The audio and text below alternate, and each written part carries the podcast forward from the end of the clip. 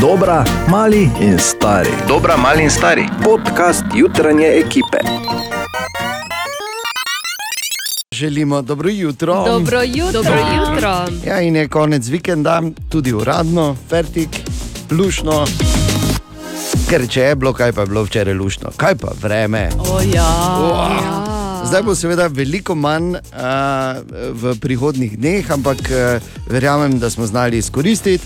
Ampak kot uh, včasih, ali pa je to morda celo nova tradicija v ponedeljek zjutraj, najprej ena misel za cel teden. Ste pripravljeni? Ja. Okay. Daj. Poslušaj to. Danes sediš v senci drevesa, ki jo je nekdo posadil dolgo nazaj. Oziroma ga je posadil. Ni, ni takrat ali Eno se bo je mogo drevo, da je senco. Ja, pa ne razumeš, metafora je samo slabo sem povedal. Eh, gremo nazaj. Radio City.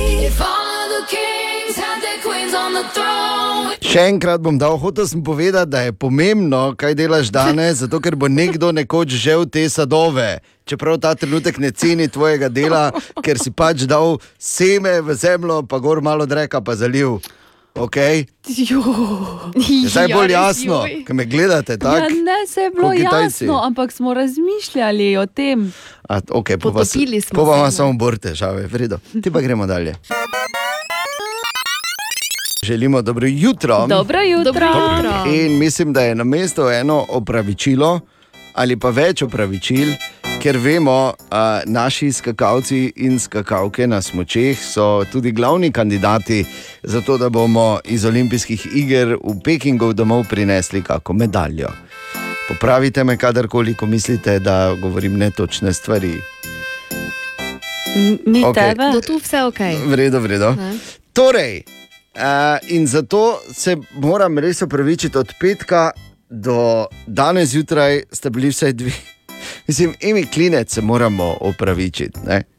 In sicer, ker se je dvakrat pripetilo samo ta vikend, da je bila Ema pri nas. Za Uh, slovensko ekipo skančejo ima klinc. torej, ni Ema klinc. Ne? Predvsem pa ni, kot je rekel Matej. V prologu je bila med slovenkami najboljša Ema Klinec, Ema, Ema Klinec na četrtem mestu. pa klinac tudi ne. ne? Tako da mi bi se imati res opravičili v imenu nespretne kolegice in kolega, ki pač uh, sta bila z mislimi že nekje drugje, verjetno, ne? ker je to šlo In seveda konec. eno malo pravičilo za vnaprej, ker ko bom jaz začel to brati, ne boste videli, ja, kakšno je lahko ema gre na robe. Ja, ampak eh, na srečo je včeraj zmagala Nika Križnar, tako da to pa bomo z lahkoto, ne bor? Vsaj na videzno. ja, klinc pa tako, ne? Res. Še enkrat dobro jutro. Dobro jutro. Dobro jutro. Dobro jutro. Zdaj pa ena iz kategorije, a tu bodo olimpijske igre zdaj? To je ta Okej. kategorija, ki jo imamo. Mislim, vse verjetno bi se lahko zgodilo kjerkoli, zgodilo se je pač na kitajskem, kjer so aretirali 26-letnega serijskega kradljivca ženskih hlač. Ne, eh. Ja. Ampak čakaj, samo malo, to že niti približno ni. E, pač tam so prijavili, da pač nekdo krade in da zginjajo hlačke. V trgovinah policija je objavila video, in naslednji dan pride posumi pač ena gospa in e, gre prijaviti svojega sina. Potem, ko je šla v njegovo sobo in našla več kot 4000 kosov ženskega spodnjega perila v njegovi sobi. Storilec je bil Ne. star uh, 26 Oh eh, moj in je še God. živel doma. Prijavila ga pa je mama. No, tako Vse da. je narobe s to zgodbo. Ja. Super, ja, to, marsikaj pojasni. Jaz bi se rekel, Ana Marija, ne, da ko pakira, ne, za me pač dva para zraven za zihe, da nazaj zaradi enega. Če bo kdo vkradel, ne? Ja. Malo je nerodno, da laufaš v tistem oskem kombinezonu po snegu, ne? pa nimaš. nič spo- Pa ja, ni. Ja, res je. No, skratka, to je bila še ena zgodba iz eh, kategorije, kaj tam bodo olimpijske igre zdaj.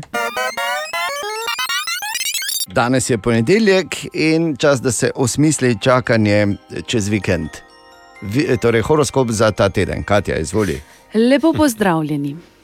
izvoli. Dobro jutro. Pred vami je deloven teden, sicer vam motivacije in energije za delo ne bo zmanjkalo, je pa res, da ta teden dodatno pozornost pri financah ne bo odveč. Bik. Za bika bo ta teden odličen za vse vrste dela in opravkov. Dobro izkoristite to pozitivno energijo, ki vas obdaja, saj je čas za pomembne korake. Dvojčka, kar nekaj dvomov vas bo obdajalo, zato sprejemanje pomembnih odločitev raje prestavite na drug teden. V vaše življenje se ponovno vrača oseba iz preteklosti.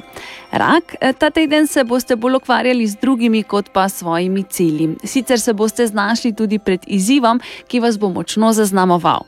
Lev, veliko več se bo pričakovalo od vas, kot v resnici zmorete. Zato vsem informacijam ne posvečajte prevelike pozornosti. Kompliciranje ni bila nikoli vaša navada, zato ga ne potrebujete niti sedaj. Devica, ta teden boste imeli ogromno časa. Prepoznajte svoje prednosti in si naredite urnik, ki bo zadovoljil vaše potrebe in zahteve. Ta teden boste stvari res znali izkoristiti v svoj prid. Tehnica, nič več se ne boste ukvarjali z nepomembnimi stvarmi. Usmerili se boste v upravljanje zahtevnih nalog, nič več ne boste gledali nazaj. Če te on pač mi rečemo en torek, ne sreda se. Čisto navaden dan. pomembne naloge. Ne. Škorpion, nov teden, nov mesec in veliko nove energije, predvsem za pospravljanje na vlake, ki se vam je nabrala čez zimo, tako mentalno kot fizično. Zdaj je pravi čas za to. Strelec, tudi strelcem bodo ta teden stvari tekle predvsem zelo gladko. Dosegli boste kar nekaj zastavljenih ciljev, kažejo se tudi neke novosti na ljubezenskem področju. Kozorog, kar štirje planeti vam bodo ta teden dajali podporo. Sicer boste imeli v naslednjih dneh ogromno dela, vendar vas to sploh ne bo motilo. Vodnar, bodite pozorni na sporočila, ki vam jih bo prinesel mlaj v vašem znamenju. Kaj morate opustiti in kaj morate pustiti za sabo. Sporočilo bo zelo jasno, nanj ste že pripravljeni. In pa še ribi, tudi vas bo presenetil dodaten signal, ki vas bo usmeril na pravo pot. Zaradi te spodbude boste dobili dodaten zalet. Ok, sem malo. Zdaj imamo vsi dober horoskop, samo jaz imel malo boljši signal na telefonu. ali kaj? Ja, dobro, ne? Če imaš dejansko dober horoskop, Ja. Bor, Jo, tako Stvar- Za let pa to. To, ja, recimo, Ano bodo štirje debelinkoti motivirali ta teden, ne kot smo slišali. Okay. Ena od treh, treh, treh. Jutranji sprehod po zgodovini popularne glasbe. In danes praznuje svoj 41. rojstni dan že Justin Timberlake. Justin Timberlake. pa te? 41, Ja. tako. Ja, ni več mlad, ne? ampak dobro zgleda, tako mi prek 40 dobro zgledamo, vse to pač je. Ne? Tako. Starejši Tako smo, so boljše liste, zgledamo. Tako, ker mi, starejši kot smo, boljše zgledamo, ve pa. Kaj? Ja, Ne, ne, ne, ne, ne, ne, ne. Tako bom rekel, čuti se pač posledica gravitacije, je dosti bolj očitno pri enih, kot pa pri drugih. ne. A, in Hm. Justin Timberlake je danes star 41. Kdo bi si mislil od tega kravžljaka, ki je sredi 90-ih eh, navduševal kot član skupine NSYNC ne, in je bilo vse skupaj kar precej otročje, do tega, da je res izjemen. In jaz, če si še kdo ni ogledal njegovega koncerta, vsaj na. Uh, vsaj, kaj pa vem, pač po katerem koli kanalu že, če že ne v živo, uh, potem pa vse malo zamujaš. No? Tako da priporočam. Uh, drugače pa se je tudi Justinu zgodilo nekaj, kar se je denimo zgodilo tudi Boru, da je uh, en oboževalec enkrat vkradel v hotelu. Ker je bil Justin na zajtrku, pa je samo do pol pojedel toast, ne? pa je oboževalec kradel ta toast, pa ga na eBayu prodal za Jurija. To se je Boru skozi dogajalo pred korono, ne? ko še je kam šel. Samo on vse poje, veš, pa ne nič Ne, ne, ostane, se da bi ga prodali. imaš tak, uh, imaš, veš, Ne, recimo ona, malo cukra takrat- pusti v uh, pakelčku. Ja, ne. sem, sem vse po, ja, prej nisem bil taki, zdaj pa moram biti. Ne, Ne bo moje kosmiče prodali za Jurija, veš, kaj mislim. Seveda. Justin Timberlake pa torej z izjemnimi hiti eden največjih eh, pop zvezdnikov in ustvarjalcev vseh časov, zagotovo, zahvaljujoč denimo Cry Me a River.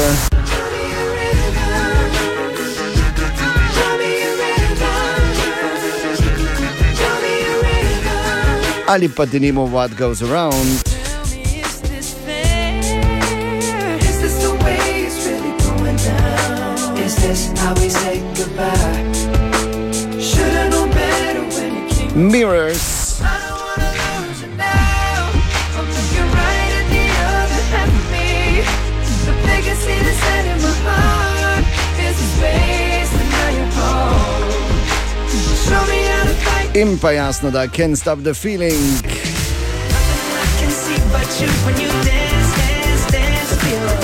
Creeping up on you. So just dance, dance, dance. Iz prvega filma o trolčkih, e, mimo grede, če bi samo kakšna ideja kari, karikaturistov, ko bo naslednjič Mariborski mestni svet ali pa državni zbor risal, naj jih nariše, pa ne napiše kontrolčki. Justin Timberlake pa torej takoj po oglasih. Želimo dobro jutro. Dobro jutro. Dobro jutro. In če si pozoren, ti življenje, na... kako sem to začel zdaj, pardon. Okay. Ne, se, ni, ni pol tako resno, ali pa morda vseeno je. Če si pozoren, vidiš, da ti življenje ponuja polno enih resnic na okolje. Ne? In uh, vem, da bo Bor se težko strinjal z to premiso, ampak obstajajo ljudje, ki znajo povedati kaj pametnega, razen tebe, Bor. Si lahko to predstavljaš? Mislim, Vse vem. da mu saj dokazati, preden stresemo neumnost. Vse vem, prosim. ampak, ja, ja. ampak tako sem jaz bil v, slučajno udeležen v eni debati, ki me je navedla do tega, da razmišljam, glej, koliko enih modrecev je tam zunaj ali pa ljudi, ki znajo zaznavati. Ker mi je en prijatelj povedal, uh, kdaj v bistvu moški naredi največ počepov doma. Ne? Okay. Ko, se, ko se hoče na kavč sest, ko je ona doma. Vse, ki so že ker daj, prideš sem, ja, pa narediš, greš nazaj, se hočeš sest, hej, sem pridi malo. Je res, ne? Ja, je, je. Pravim ti. Če bi lahko to nesel, bi lahko on naredil. Ja, ja. In to glih takrat, ko že, veš, ko že rit spuščaš počasi. Ne? Želimo dobro jutro. Dobro jutro. Dobro jutro. Ja, dobro jutro. Ne vem, če ste vedeli, ampak v Sloveniji je stopnja samo oskrbe z vinom 95 odstotna, kar je super. Imamo samo 5% za pokrit žganim, pa z radajnerom. ne? Listamo malo po zanimivih naslovih tam zunaj. In tu je še en, ki pravi takole. Da govori o enih raziskavah, ki so pokazale, da inteligentnejši ljudje pijejo več alkohola, hodijo spat bolj pozno in so manj telesno aktivni. Tako da bom rekel, glede na vse, smo mi še kar ok, ratali tu zjutraj. Še enkrat, torej, dobro jutro. Dobro jutro. Dobro jutro. Ja, in danes je ponedeljek, jutri pa ponovno premjerni hitri kviz, kaj ti v četrtek pripravljamo novo Sitikino premiero v Mariboku, nov film o katastrofi Rolanda Emeriha in sicer Moonfall si bomo ogledali. In kar je zanimivo, da Roland Emerich že v bistvu razmišlja uh, naprej pač dobro. Uh, dobro zna most ta naš strah pred distopično prihodnostjo, ne? kaj se pametno pove. To kako pišem recenzije. Ampak čisto, čisto za res, Roland to zelo dobro izkorišča vse skozi. Uh, recimo je povedal, ko sem leta 2004 posnel The Day After Tomorrow, da je tisti film, ko pravzaprav vse zmrzne ne, in to v relativno kratkem času, so se vsi smejali. Je rekel, danes, glede na situacijo, ki je tam zunaj, se ne smeji nihče več. In tako pripravlja nov film, ki se ne bo dogajal tako daleč naprej, ampak že čez 20 let, pravi. Gre- bo šla zgodba o tem, kako se je Amerika eh, povsem izolirala od sveta in da na Evropo pritiska nekako 200 milijonov ljudi, ki iščejo hrano in eh, zatočišče, v središču pa bo eh, zgodbe, pa bo ta organizacija Zdravniki brez meja. Tako da bo zanimivo videti, upam, seveda, da se bo končalo z eh, nekim pozitivnim upanjem. Ker pri Moonfall verjetno, nočem zdaj, ampak sklepam, da se vseeno v redu razplete. Ampak preverili bomo v četrtek uh, v Mariboku, jutri, ne zamudi že od ranega jutra, torej premjerni hitri kviz. Če želi z nami v kino, Do takrat pa se lahko uh, malo pripraviš, da, da boš prišel ali prišla, ne? pa si ogledaš, da nimo ulico nočnih mor. Povejte svoje ime. Stane. In uh, vi pravite, da lahko berete misli. Tako je. Na katero številko sem pravkar pomislil? Pet. Tako je. Sem vam rekel. Ulica nočnih mor v Mariboksu. Na kaj pa zdaj mislim? fuj, beži. Želimo dobro jutro. Dobro jutro. Ja, dobro jutro in morda en kratek, zanimiv skok v zgodovino. Bilo je pred stotimi leti, ko so upravili prvo ljudsko štetje, takrat v kraljevini SHS, in na območju Slovenije je živelo milijon 56 tisoč ljudi, kar pomeni, da nam je ratalo vsega sto letih to številko podvojiti, pridni, zajčki. O, Tine! Tine, dobro jutro. Ja, dobro jutro. Bravo. Ja, Dobro dobro jutro. jutro. Ja, zdravo. Ja, je to veselje. Ja, kaj si ti nor? Ha, seveda. Večkrat bi mogel iti za kaki dan, da so me bolj veseli. Ali dva, ne? Ja, Naj samo povem, da je Tine včeraj izkoristil čudovito nedeljo, vsaj na pogled, oziroma čudovito nedeljo iz dnevne sobe, ko je bilo sončno, pa tudi temperature so bile seveda precej visoke, da je bil eden od dveh, ki sta vseeno se odločila, da gresta na kolo. Mislim, od dveh pač ni bilo enega sem masovno. srečal samo. Ne. Tako. Verjetno so blike. Ne. Ampak se eh, je seveda pozabil, oziroma ni pogledal na napoved, da bo kar fejst pihal severni veter. Ne? Pa si malo rekel. Kaj pa ne poslušaš vremenark? Gled, to je dodatni trening. Ja, Jo, ko To je- proti vetru goniš. to je to, ko uh, veš, pol rabiš, ne?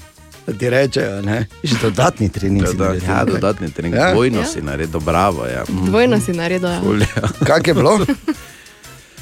Vetrovno. Fejst je pihal, tako bi samo rekel, zdaj, da ne vem kaj preveč. Ampak res je, mislim, tako ko sem tako od spodaj eh, obdravi, pa tako šel. Je pač nič, kaj Ja, dokaj ekstremno, ne? Potem sem pa šel skozi Malečnik, pa tam v hribu gor, ne po pa, ko sem prišel iz prvega ovinka v hrib gor. Ko je vžgalo.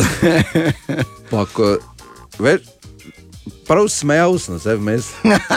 Ko si tako, tako, tako, kaj bo zdaj, kaj naj zdaj grem nazaj, tako sem not sredi orkana, že te pa še pač. Je, Kar je eh, zanimivo, ne, ko je ravno ta hrib ne, je obrnjen tako, da ko piha severni veter, ko preko vžge se na drugi strani rotori naredijo in je še toliko bolj zahtevno. To ti, viš, o rotorih sem bil. Okay. Ampak ja, drugače je bilo pa je fajn, no. Mislim, No, tak, eh, odlično. Vmes je tako za eh, sekundo, dve zadišalo po pomladi. Mm. Pol pa- Malo prezgodaj pol pa je odpihnilo. A, odpihnilo ta von. Dobro. Ja. Kaj imamo danes, Tine? Eh, nekaj za Harry Potter fane. Gledaj. Jo. Harry Potter prije v Slovenijo, se ne. Viš, ki bo v sitju, tako Ja, smaralda, sitju, no, na tekočih obliko bo narodno nošil. Jaz upam, da bo naslednjič, ko bo kdorkoli od vas šel na kolo, še bolj pihal severni veter. Jaz bo bom na naslednjič, ko bo v Slovenijo prišel, ne bo prišel v Maribor. No, povej. Okay, čeprav zdaj se bojo drli Harold, ki je star, ne, že, tako da ni več Harry. Eh, Skratka, v filmih, ko gledamo, veš, ko eh, otroci sedijo, pa naloge delajo, pa Mm. eh, se spomnimo tega. Ne? Ja. Dejansko so morali vsi domače naloge šolske delati. Ko so snimali. Eh, prav za šolo, se, zato ker je prvo kot prvo, da je bilo eh, avtentično, kot Mhm. drugo pa, da niso preveč eh, manjkali pri šoli. Bravo. Tako da klinec, pa tako veš. Ja. Ko smo se zjutraj naučili, ne? Ja, tako. Klinc. Pa to. Klinc pa to ne. Ja. No, tako da veš. Uh, Je bilo kar verjetno razočaranje za te igralce, kot filmu bo mami. Ja. Ja, samo nalogo. Sam za šolom delal. Ja, pa čarovniki te čuvajo, tako da pazi. Ne? Da ne bo slučajno, ne boš nazaj prišel skopiti. Ja, repom, svinskim, kaj je že bilo, ne? Kaj? Svinski rep je dobo, ne, oni. Ja, ja, ja, Ali- ja, ja, Ja. ja. A ja, ne v filmu se menimo, ker Bor je tudi dobo, ampak to je bila druga zgodba. Vprašanje za Hajfik za danes zjutraj, Katja. Vprašanje Ane, ki jo zanima, zakaj se motovilcu reče repincel. Aha, morda zato, ker je motevi, motovilka Rapunzel.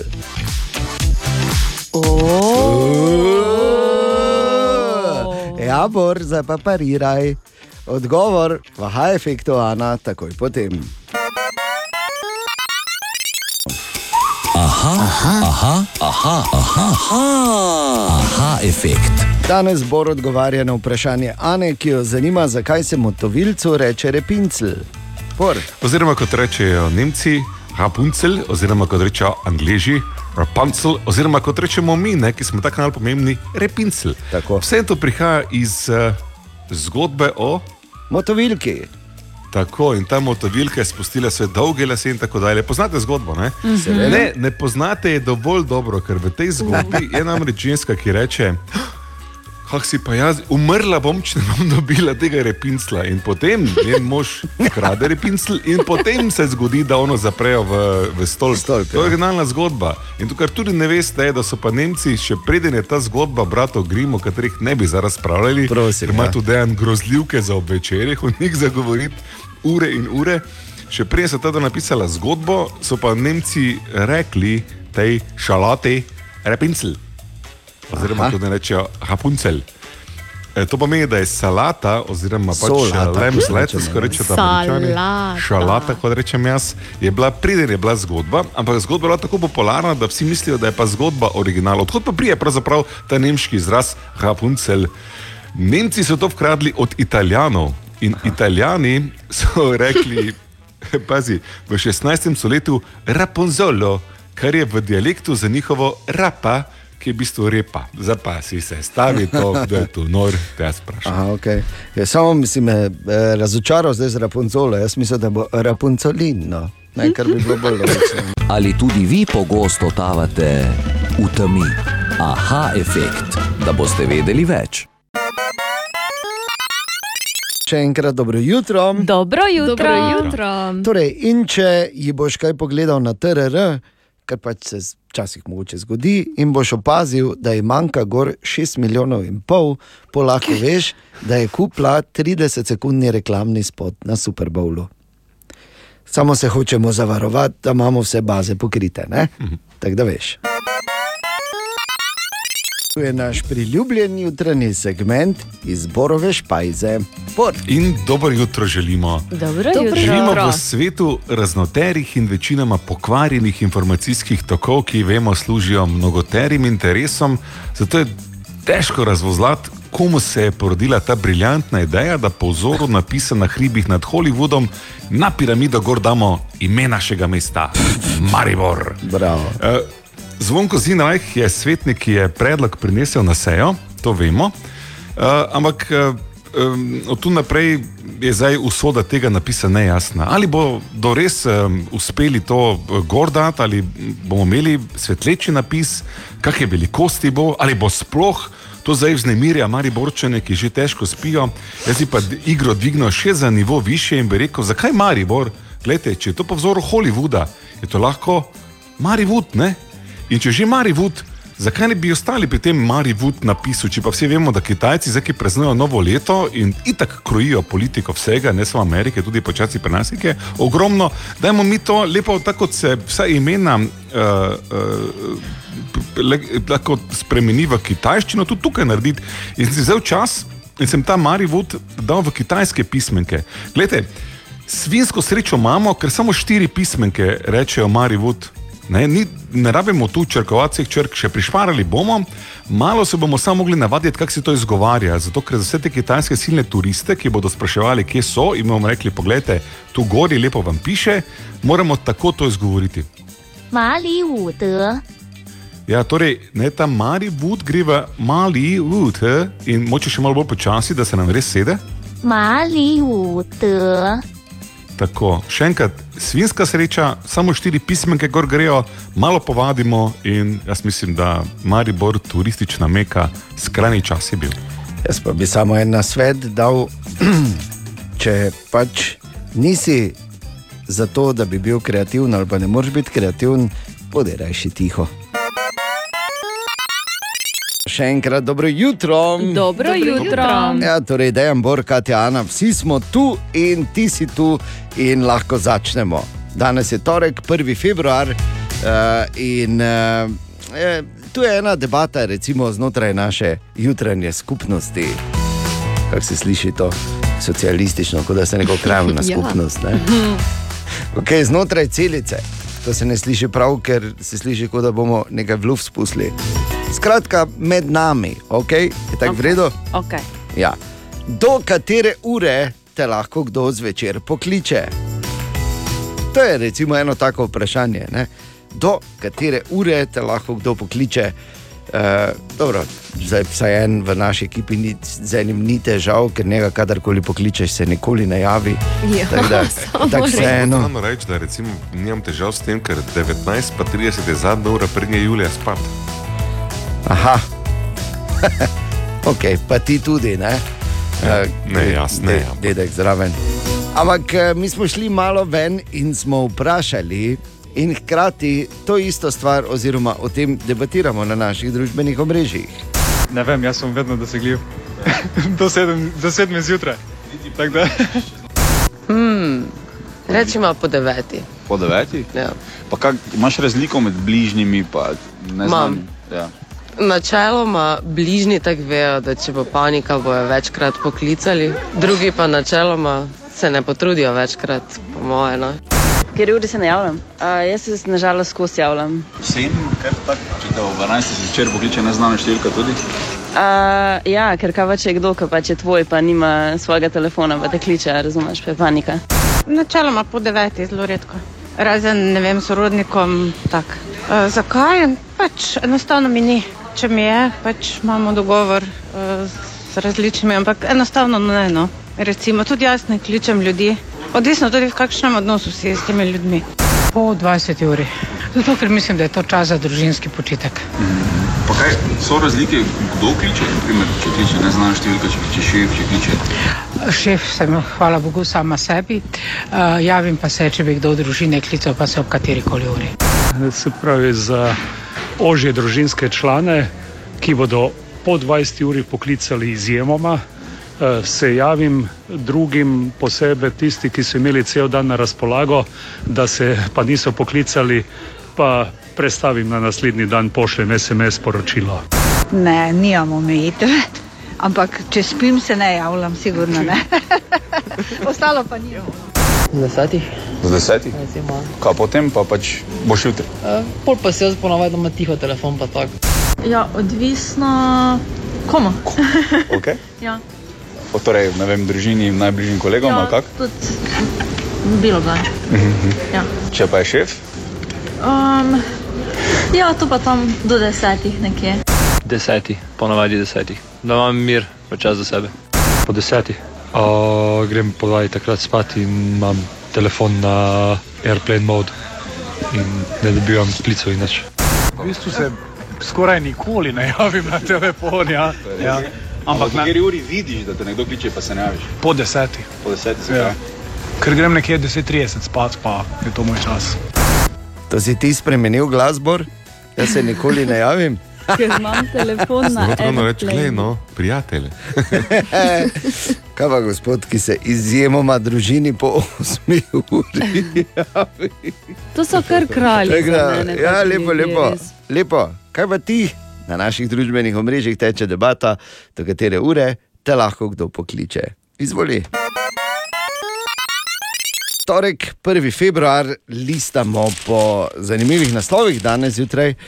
E, To pa zdaj ni toliko naslovno, do naslovov še pridemo, ampak glede na to, da smo danes začeli to temo, do katere ure te lahko kdo pokliče. Spomniš, Katja, ko si prejšnji teden imela ti v webčeku, eh, da e-čiren praktično že ne vem koliko let sploh nima telefona. Mhm, se Tako da ne- spomnim, ja. da Njega definitivno ne moreš poklicati. Šest sem- ali sedem. Ne? Dejansko ljudje poslušajo, kaj ti govoriš, nisem več pa tako presenečen. Jo pa da, kaj Hvala vsem, ki me poslušate. Ne, ne, uh, oprostite, je bila pač priložnost na šala. Ampak če za res uh, sem bil v debati in je pač mi nekdo dejansko to rekel, kako je to in kako je to fajn, kako je to večeren, ne, kako ima, kako on živi, kako on če zna živeti. pa to. Se rekel, ok, samo zdaj pa stopi korak nazaj. To je vseeno ečiren. On ima jih enih sedem, ko se na vse mogoče številke javljajo, veš. Ja. In en od stotih lahko tudi laufa po 20 km, uh, ali pa še več, da mu preda sporočilo, mm pa umre. Tako kot, ne. Upamo, da ne. No, se vseeno, ampak hočem povedati, ne, da vseeno. Eni si lahko malo bolj privoščijo kot drugi tudi take stvari. In pa čisto za res, pa so danes naslovi, o tem je tudi Boris že danes zjutraj poročal v novicah, eh, o teh zelo glasnih zabavah znotraj eh, zelo hudih COVID časov, ki so se dogajali na Downing Streetu 10, ne, pri britanskem premijeru Borisu Johnsonu, kakšne čage je vse imel on, Bor. Medtem, ko Kakšne so- čage ni imel, ampak se pa je opravičil. A, ok. O. No, zdaj pa je ok. Hočem samo povedati, medtem ko so vsi eh, doma bili zaprti v strahu, ne so se tam pač eni. Ampak zdaj se pa ljudje zgražajo. Samo malo, dragi moji, dajmo ne imeti dvojna merila. Ker koliko krat si pa že ti kaj prepovedala ali prepovedal otrokom, pa potem to vseeno skrivaj počela ali počel. Samo toliko. Web, web, web check. Torej, Katja, Dobro jutro. bravo. Dobro jutro. Jutra. Že v bistvu od včeraj zvečer in pa tudi danes zjutraj se nikakor ni bilo mogoče na spletu izogniti fotografiji Rijene, um, s katero je v bistvu, oziroma s katerimi je sama potrdila govorice, da pričakuje prvega otroka. Lepo. Že takoj lahko rečemo, da bo podpredsednik Haitija ne? Ali pa podpredsednica. Ja. Ob rojstvu.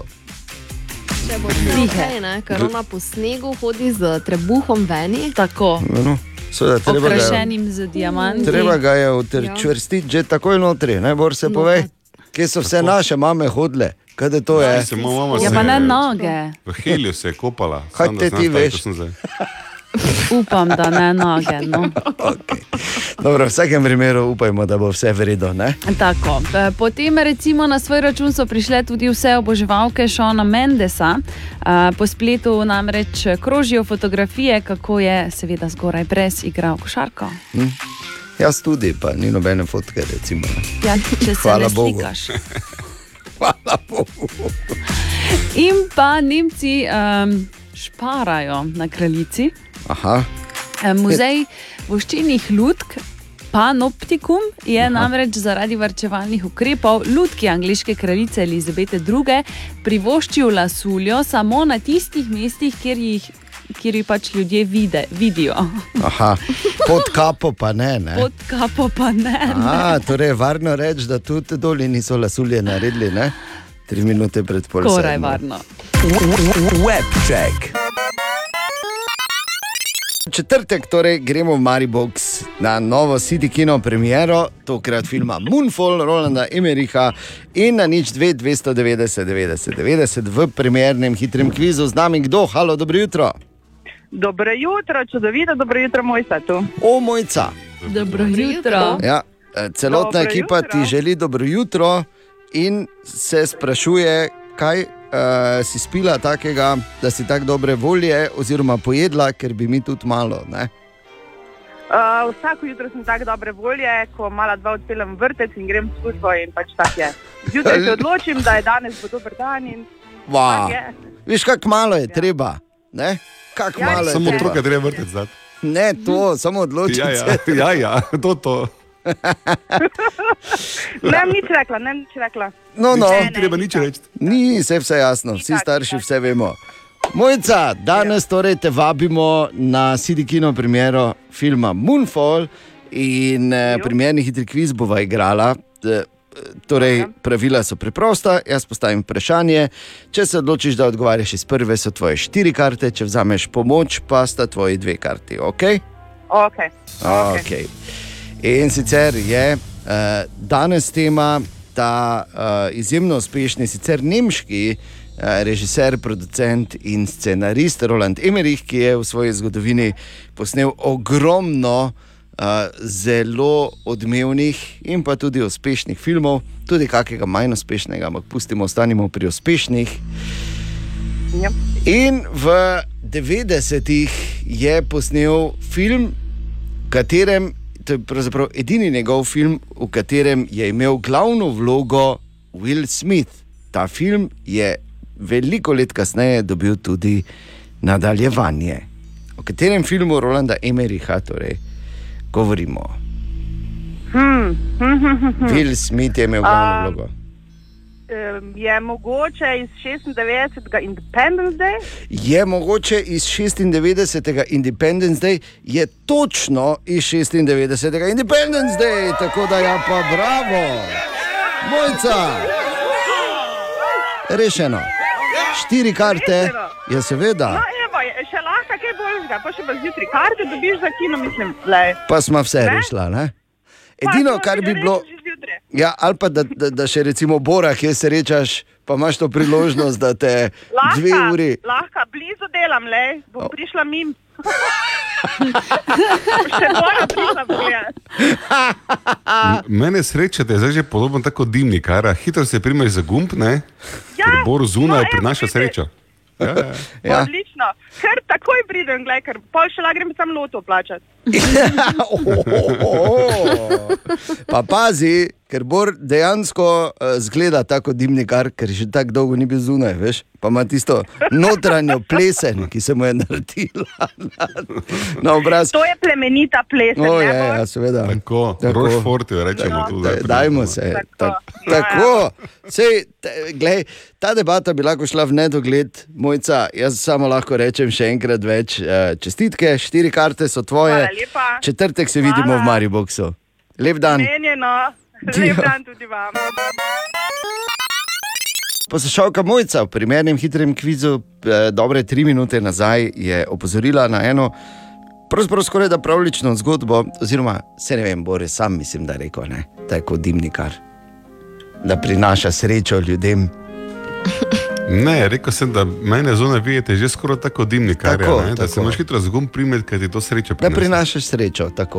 No, ja, no, da Zanimivo, da si uporabil besedo dimnikar, Bor, ker moraš vedeti, da, oziroma vsi moramo vedeti, marsikdo ni vedel, moram reči jaz tudi, ne, da je vez med Borom in dimnikarji v bistvu globija, kot bi si mislil. Gre za eno Ah, skoraj da ne govori. pravlično zgodbo. Ne? Pa ne samo zato, ker je pred kratkim doživel sanacijo dimnika doma. Ne? Tako, še ribamo, nismo še zaprli čisto. Dobro, dobro, dobro. Ampak eh, ne samo zato, tudi drugače. Je to, mislim, moramo vesti, če ne drugače, z enim posebnim dimnikarjem, ki nas je danes zjutraj poklical, je globija, oziroma pač to doživetje, veš, ki ga imaš na individualni ravni, lahko s sočlovekom. V bistvu ne vem, o čem govoriš. No, no, no, no, no. Zdravo, Franca preparata. Te vi ljudi pri dimnikarjih, ne? Jaz sem dimnikar. Bora sem že enkrat skoraj povozil, tako da on bi lahko tudi bil za dimnikara, se je že enkrat rodil. Ko ga je prižgal dol po Štros Majerjevi, pa tu noter zavil proti Radio City, eh, nočeš vedeti. Tako je rekel Franca. Ja, Sam- Franca, skoraj si nas rešil, Franca. Pa... Ne, skoraj, samo vrana, vrani ne izključe oči, veš. Res je. Sta si pokazala drot piršno, pa sta šla dalje. ne? Pravkar je presenetila znotraj jutranje ekipe za kratko novico tudi Ana, ki je rekla, da ima Biden novo muco. Če pa ima. Pa ni on prestar za muce. Danes je 1. februar. Preskok teme, gremo dalje. La, la, la. Preskok iz muce do tigra je bil kar pohvale vreden. Bo- Hvala, ne? što je 1, 2, 3. Danes je kitajsko novo leto. In glede na to, da, da je seveda nujno, glede na situacijo, da, da to na nek način obeležimo, Bor seveda tu takoj uh, ima svojo računico z, dajte ne nehati čipov proizvajati, ker bom jaz umrl. Enako kot samo ti, lepo dalje delate. Enako Čeprav kot ti ti- povedati, Koliko kitajske nove leta, karkoli naročiti, ne, je, to je Slabo, en ne? teden Ja, zraven. Pa dobro, no, ampak to je pač, če praznujejo, je to normalno, ne jim oprostiš, glede na to, da tako vse od tam dobiš. Uh, enako kot ti, Bor, o teh čipih razmišlja tudi mimo, mimo grede gospod Volkswagen in ostali, gospod Honda, pa gospod Porsche, Gospod pa gospod Audi. Ki zdaj, ki zdaj že pa je, pazi, kaj, kaj je zadnja govorica. Pralne stroje kupujejo v, v seveda. avtomobilski industriji, vun trgajo čipe in jih dajo v avto, ker je ceneje en ja. pralni stroj v ceno vzeti, kot pa ne avto prodati. To seveda absolutno ne verjamem, zato ker eh, čip v pravljem si ti videl, da si ti videl uh, armaturko v modernem avtu in si ti Ja, videl no, armaturko v specifični stroju. čip, ki ima podobno funkcijo. Ne? Mm -hmm. Ok, kakorkoli že, ni pomembno. Uh, hvala za vse, hvala, da ste zidali uh, uh, nekoč. In hvala vsem, ki se že desetletja lažete, da je kitajski zid ena od stvari, ki se vidi iz vesolja s prostim očesom. Ne vidi se iz vesolja s prostim očesom. Vsaj zaenkrat nimamo teh informacij. Veš, da bi nekdo z Alfa Centauri rekel. Pre, preden gremo tukaj dalje, morate razumeti, da Dejan je tiste vrste človek, da ko ga na rojstni dan povabiš, on ti pa vse poveda o tvojem nesrečnem življenju na rojstni dan. Ne, ne pa ne pač, govorimo o Kitajcih. Tudi kitajsko novo leto je pač prilika, da vam povemo, da ne vidi se. Ne, Kaj bi radi? Žal. Ne vidi se, nikoli se ne vidi. Je pa videl. lepo, je pa fenomenalno. Ta pa je, vrhunski. Zraven, ja, tako. In ker je danes ta dan. Sinjen kvajle, gongsi facaj. Tako. In da bi zdravi bili. Oh, lep, lep. Še enkrat dobro jutro. Dobro jutro.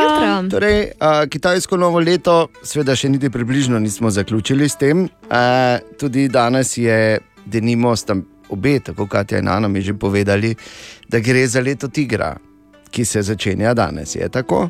tako. Ko govorimo o kitajskem horoskopu. Ampak, vedve nista vedeli, da sem jaz to že vedel.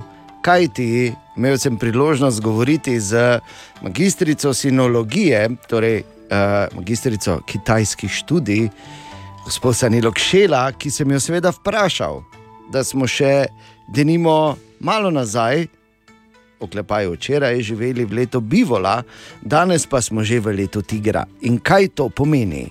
Z letom 2021 se poslavlja leto Pivola in prihaja leto gorečega, akcijsko orientiranega, eksplozivnega tigra. Tako da, če pogledamo že na primer primerjave med Bivolom in med tigrom, lahko vidimo velike razlike. Bivol, bolj počasen, priden, drmast, delaven. Uh, Tako stvari so se nasploh, je bilo pre, razširjeno prepričanje, po- potekalo nekako počasneje v prejšnjem letu, sedaj pa, ko prihaja tiger, pa bi naj vse potekalo bolj eksplozivno. Tako da se tudi, naprimer, če imamo kakšne želje, cilje, je zelo priporočljivo, da se jih sedaj lotimo, ker vse stremi v bistvu k neki akciji, da se čim več dogaja. Ok. In eh, kdo bo v tem letu, da nimo tako prosperiral, oziroma najbolj kapitaliziral nad dejstvom, da je tu ognjeni tiger? Kar se tiče tudi naprimer, tigra, je tudi to, da ga v kitajski tradiciji povezujejo s pravičnostjo, zato naj bi se v tigrovih letih popravilo veliko krivic. Ta velika mačka pa naj bi bila tudi skrbnica in zaščitnica otrok. In prednost imajo v tem letu tudi drzne, odločne poteze, pri čemer pa zamujanje in zamuda nista najbolj priporočljivi. Vendar, vseeno previdno, če izpostavim en kitajski pregovor, ki opozarja, da če zajahamo tigra, je težko izstopiti. Torej, z drugimi besedami, če ravno se priporoča, da gremo v akcijo, delujemo čim bolj eksplozivno, pa vseeno se dajmo prepričati, da bomo vseeno končali, kar, si, za, kar bomo začeli, oziroma da se ne bomo vseeno dali prevelikih ciljev. In torej bi generalni nasvet za vse bil, čim več tudi prisotnega razuma, ampak bi rekla, ne se bat, ker prihajamo iz nekega počasnega, bolj umirjenega obdobja v neko bolj razburkano obdobje, ki lahko prinese veliko pozitivnih rezultatov. je povedala magistrica Sanela Kšela. Najlepša hvala. Evo, je zdaj vse jasno? Ja. Ko Zahaš dan. tigra, moraš face držati. Zla- zdaj Ja, pa slabo kaže tem, ki zamujajo. Tako da bo, Ja. ne bo tvoje leto, imamo občutek. Ker je lansko bilo, ne? Eh. Torej, v vsakem primeru neke novosti naj bi se zgodile in naj bi spet bilo več energije. Tako da uh, mislim, da kar se upada z, na, z napovedmi, ki so tam zunaj. Tako da zdaj vemo, tiger se začne danes. Pa 新年快乐，恭喜发财。 O, Tine! Dobro jutro, Tine. Dobro jutro. Vidiš, še malo Tine. nazaj, Jutro. še malo nazaj ni snežilo, zdaj pa tudi rahlo naletava v naše mesto. Zdravo, ja. Tina. Kak je občutek, ko prideš ven, pa uh, moraš spucati zid od bicikla? Tim povedal. Okay. Hvala. Ne pa se to ne bo nekaj. Ne, menda da ne, Katja bo. Ja, ne, ne bi, naj ne bi bilo. No. Za me nisi prepričal. rahlo. Naj ne bi bilo. Ja, glej, če pa potem me vedno nekdo z vilami lovi, ko nekaj narobe pove. Je prav z vilami. Glej, vremenarko, dajo, dajo. Po napovedih Ja. ne bo hudo. Okay, jaz bi samo vse uh, krajanke in krajane čakove upozoril, ne tako resno jema tega, pa kaj, kaj to napada, prosim lepo. Okay. Tine, kaj imamo? E, torej, tu e, najdem sem par zanimivosti in sicer, e, ker je pač glih danes aktualno, e, šest stvari, ki so jih e, izumili oziroma iznajdli potem, ko so na Luni pristali, če se že o Luni pogovarjamo. Ne? Mislim, da so kole na uh, kovčku, ena od njih je. To je ena od njih. Zanimivo je, človeka da na Luno, niso se pa spomnili, da bi dali kole. Na... A vlačili so to te kovčke, kot majmuni. Ne? Recimo, uno, karte. Tudi po. Tudi. Veš, kak jim ne bi bilo dolg čas, če bi imeli Dve leti potem, da bi gori vrgli Lepo. partijo, ne? ne, ko sta ona dva čakala, tam pridem greta ven v Floppy kapsuli. disk. Tudi. Recimo, koliko bi bilo lažje, ne? da bi nekaj. Da bi diskete imeli. Na disketo kaj dali. Ja. Ja, sicer ni, ni nekaj dosti gor šlo, ampak dobro, gled. O, za tiste čase. Recimo, uh, še uh, do, dobro, mobilni telefon, prvi je bil leta 73, komaj, ne, Ja, tako da ja, to bi ja. tudi kar pomagalo, ne? Da bi se javil, oni, neko Ja. fotko naredil, ne, od gori. Ja, tam bi bolj satelitski prav prišel, bi to pa so mogoče- imeli Rusi. Medtem pa so Kitajci MMS že pošiljali. Črtna koda. Tudi. Tudi se niso prej spomnili. Recimo, pa ne že verjel, eh, to ti eh, le, samo lepi, oziroma kaj so postit, to ti listi, Aha, veš, ko jih odlepiš, pa gor Hmm. nalepiš. Tiks. Veš, kak bi, to, To. bi tudi prav prišlo. Da ne? bi gori pusto. Ne, tu sem bil. Listek, tu sem bil. ne. Zdaj Glede, na to, da nič ni gori, tako bi ostalo. Ne? Ja. E, razen če bi, ker zdaj bo gor Elon Musk, eh, ena raketa bo vžgala noter v Luno, ne, ki je, je šlo v enem od njegovih preizkusov nekaj narobe. Ne. Na da- dark side. Ja, na dark side Lune bo vžgala. In ne samo to, ne. In zdaj gremo gledati Moonfall v četrtek. To je, veš, jaz ne verjamem, da to zdaj Ni neko, neko na ključe. Ne, Ne, ni. Ne. ne, ne, ni. Bogo je, koliko sta si drug drugemu dala. Ne. Ja. Če jam to film naredil, ti pa reči, da ti je nekaj odneslo, pa da bo tam šlo, pa vse skupaj. Ja, pa se bojo spet vsi o tem menili. Ja, ne. itak, valjda. valjda. Medtem ja. pa bo eh, 14. virus nas že poharal. Samo to ne bomo vedeli, ker smo vsi v Luno gledali, gor, kako pa tam nekaj. Mi bomo gori gledali, virus bo pa doli delal, če me ja. razumeš. Niže. To veste, za da se en na- zapiske naredil in že piše objavno na Ja, Facebooku. no, hvala Bogu. Pričakujem do srednje, srednje do na tri četrt veliko skupino sledilcev najne teorije zarote ta trenutek. In tu je vprašanje za HFX za danes zjutraj. Tone ta zanima, ali je možno, da se ti zaradi razkuževanja rok, oziroma ali je možno, da ti zaradi razkuževanja rok alkotest pokaže vsebnost alkohola v krvi. Ne? Okay. Se spomniš ti leta nazaj enega eksper HFX eksperimenta, ko si celo Še jutro zdaj po noči sanjam rumove kroglice. Ja, ko je, žer, Ja, ja, ja. ko je, jih je ful pojedel in če je neposredno potem pihnil, je napihal, ampak zelo kratko trajen je bil ta efekt. Malo bolj dolgotrajen efekt je bil pač diabe, diabetes tipa B, ki ga je dobil zaradi tega. Ki si ga razvil gladko, da se ne okay. Ampak ali je razkoževanje rok ne, lahko napihaš zaradi razkuževanja rok, to pa po teh aktualnih jutranjih informacijah. Aha, aha, aha, aha, aha, aha, aha efekt. Por odgovori, torej tone tu, ki ga zanima, ali je možno, da zaradi razkuževanja eh, rok napihaš. Sveda, ta, ki si roke razkožuje, ne bo napihal, ampak eh, zanimiva anekdota povezana s tem, da od leta 2012 v Kaliforniji imajo kar resen problem s tem, ker so več mladi ugotovili, da če pa to poješ, ne, oziroma zaužiješ, uh, se to ne može verjetno res, ne, da če užiješ nekatere um, pač te zaroke, ki vsebujejo dovolj alkohola, si tudi lahko pijan. In zdaj to je kar resen problem, zato ker to je stropeno. Ne? Torej, ne zaužije se nekaj, kar ni namenjeno za uživanje. In tu se ne konča. Ne? Uh, Rado berem tukaj članek, kjer je dr. Cyrus Rangan uh, iz Los Angelesa pravi, da 2600 primerov so imeli v Kaliforniji samo uh, v dveh letih, od 2012 do 2014, od takrat naprej pa to raste in postaje nacionalni problem. Jaz bi rekel, da eno drugo tekmovanje ima v Ameriki, ki se reče uh, The Darwin Awards in ni to problem, veste. Ne? Pač to je naravna selekcija. Okay. Eh, ne moreš nič reči drugega. ne. Ali tudi vi pogosto totavate v temi? Aha efekt, da boste vedeli več. Kviz brez Google. Oh -oh. No, zdaj pa Tomaš. In smo spet v akciji, danes z mano v kvizu brez Google. Ja, a ne. A ne, servus. Gremo. Najlažje vprašanje za 10 evrov, kako pogovorno imenujemo blagajno. Blagajno, kas, kasa. Kasa, ja, ne? si na kasi, bravo, imaš že 10 evrov, super. Gremo malo teže, za 20, če veš slučajno, kako se po nemško reče glava. Glava, oh. Kaj že? Tudi en uh, produkt, eh, ki ga ženske uporabljajo, vsebuje to uh, besedico.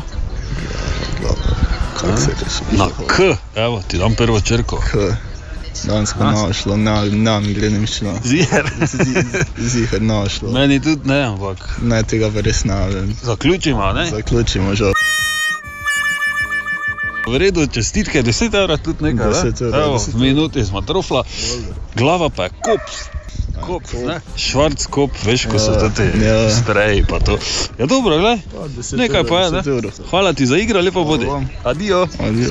In sta ostali še dve vprašanji in sicer tretje. Beseda afna je neknjižni pogovorni izraz za katero žival? In najtežje vprašanje, za čigavo leto je leto 2022 razglasila vlada Republike Slovenije? Hm? Okay, jaz vem za 40, to sta plečnik in tartini. Tako Kaj pa afna? Ej, ne moreš, ne, to je, veš, ko spoznaš, mislim, pač vrsta. Sebe pa vrsto te poznaš, pozna- No, vidiš. Kviz brez Google. Oh -oh. Želimo dobro jutro. Dobro, Dobro jutro. jutro. Kdo bi si mislil, kako lahko hitro mine prvi dan meseca in pol se enkrat zbudiš in je drugi dan, pa že sreda. To je danes, namreč mimo grede. Želimo, da bi dobro štartali in če ni ratala prva kava, se veš, še vedno si lahko narediš drugo. In ko si delaš drugo, poglej okoli, morda je zraven tebe sodelavka ali sodelavec, ki bi tudi morda, ne? mislim, poglej okoli, ne kar tak vid, kot neka banda. Smo razumeli namik. Hudičeva, ne? Dobro jutro. Želimo dobro jutro. Dobro jutro. Dobro jutro. Tako je, evo, dobrodošli. E, imamo to, kar imamo danes, e, tudi vprašanja, e, kaj pri vas face piha, ker pri nas bo rolete vtrgalo. Kupite sploh še rolete, ne? mislim, da imaš Ja. ja. rolet imeti nekaj. Ne? Ok. Pardon, to, bi bila, to bi morda bil eden od uh, odzivov, lahko, ampak ja, če za res, uh, danes bo pihalo, je tako, kot je. Točno tako. In, uh, iz severa. ja. Hvala ti, Jan, za to pesem, odkar si jo izdal. Ne?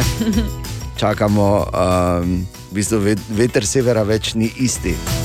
Uh, pred leti nam je Bigfoot mama vzela let severa, ne? Mhm. zdaj pa še veter. Slabo. Torej, uh, danes je 2. februar in da, to je med drugim tudi svetovni dan, to boste verjetno kje zasledili, da je danes svetovni dan mokrišč. In jasno, da govorimo o izjemno krhkih in ogroženih in pomembnih naravnih ekosistemih, ne govorimo, veš, tam, ko je bilo zunaj, ne vem, včasih pred MKC-jem je bilo mokrišče, ne? pred vsakim takim klubom.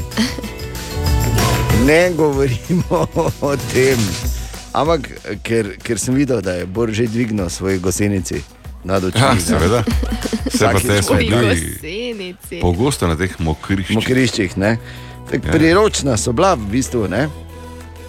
ker tam je bila vedno gužva ali pa pač tam ali se kdo kaj menil. ali pa Ti, ti danes generacije, ki poskuša na teh um, virtualnih zmenkih nekaj narediti, dopove, da si lahko šel ven. Ja. in Da je bilo tam na mokriščih izbire, koliko si hotel ja. realno. Ne? Nisi rabo klikati, samo kazal si s prstom, ne? ali pa kaj primo celo. Uh, ne vem, če si prav razumel uh, koncept mokrišča. Da tam, ko smo pač hodili sad ven, o tem sem jaz govoril, ne o tem razmišljati. Ja, no, ampak zraven. Ja. Ja, Ja, no, lahko glej, si kaj primo, govori. Ampak pa s prstom vseeno- kas. Vseeno, ne, Bor, prva napaka, oziroma prva težava v tvojem govoru je bila, lahko Ja. ja. si šel ven. Ja. Takrat pravim, si še lahko te generacije tega ne razumejo, ne? ampak Ja. ja. te mokrišča so pač dinamični ekosistemi, Ja, res je. kjer je rastlin in živali dosti, se nas samo uriniraš. Ne? Okay, okay. Ampak jaz sem se semantično tega lotil, ampak vredno bo, tudi ta zgodba je bila zelo zanimiva. Drugače pa je danes tudi en prav poseben dan in to me veseli in navdaja v bistvu z enim ponosom, da Slovenci nismo kar tak.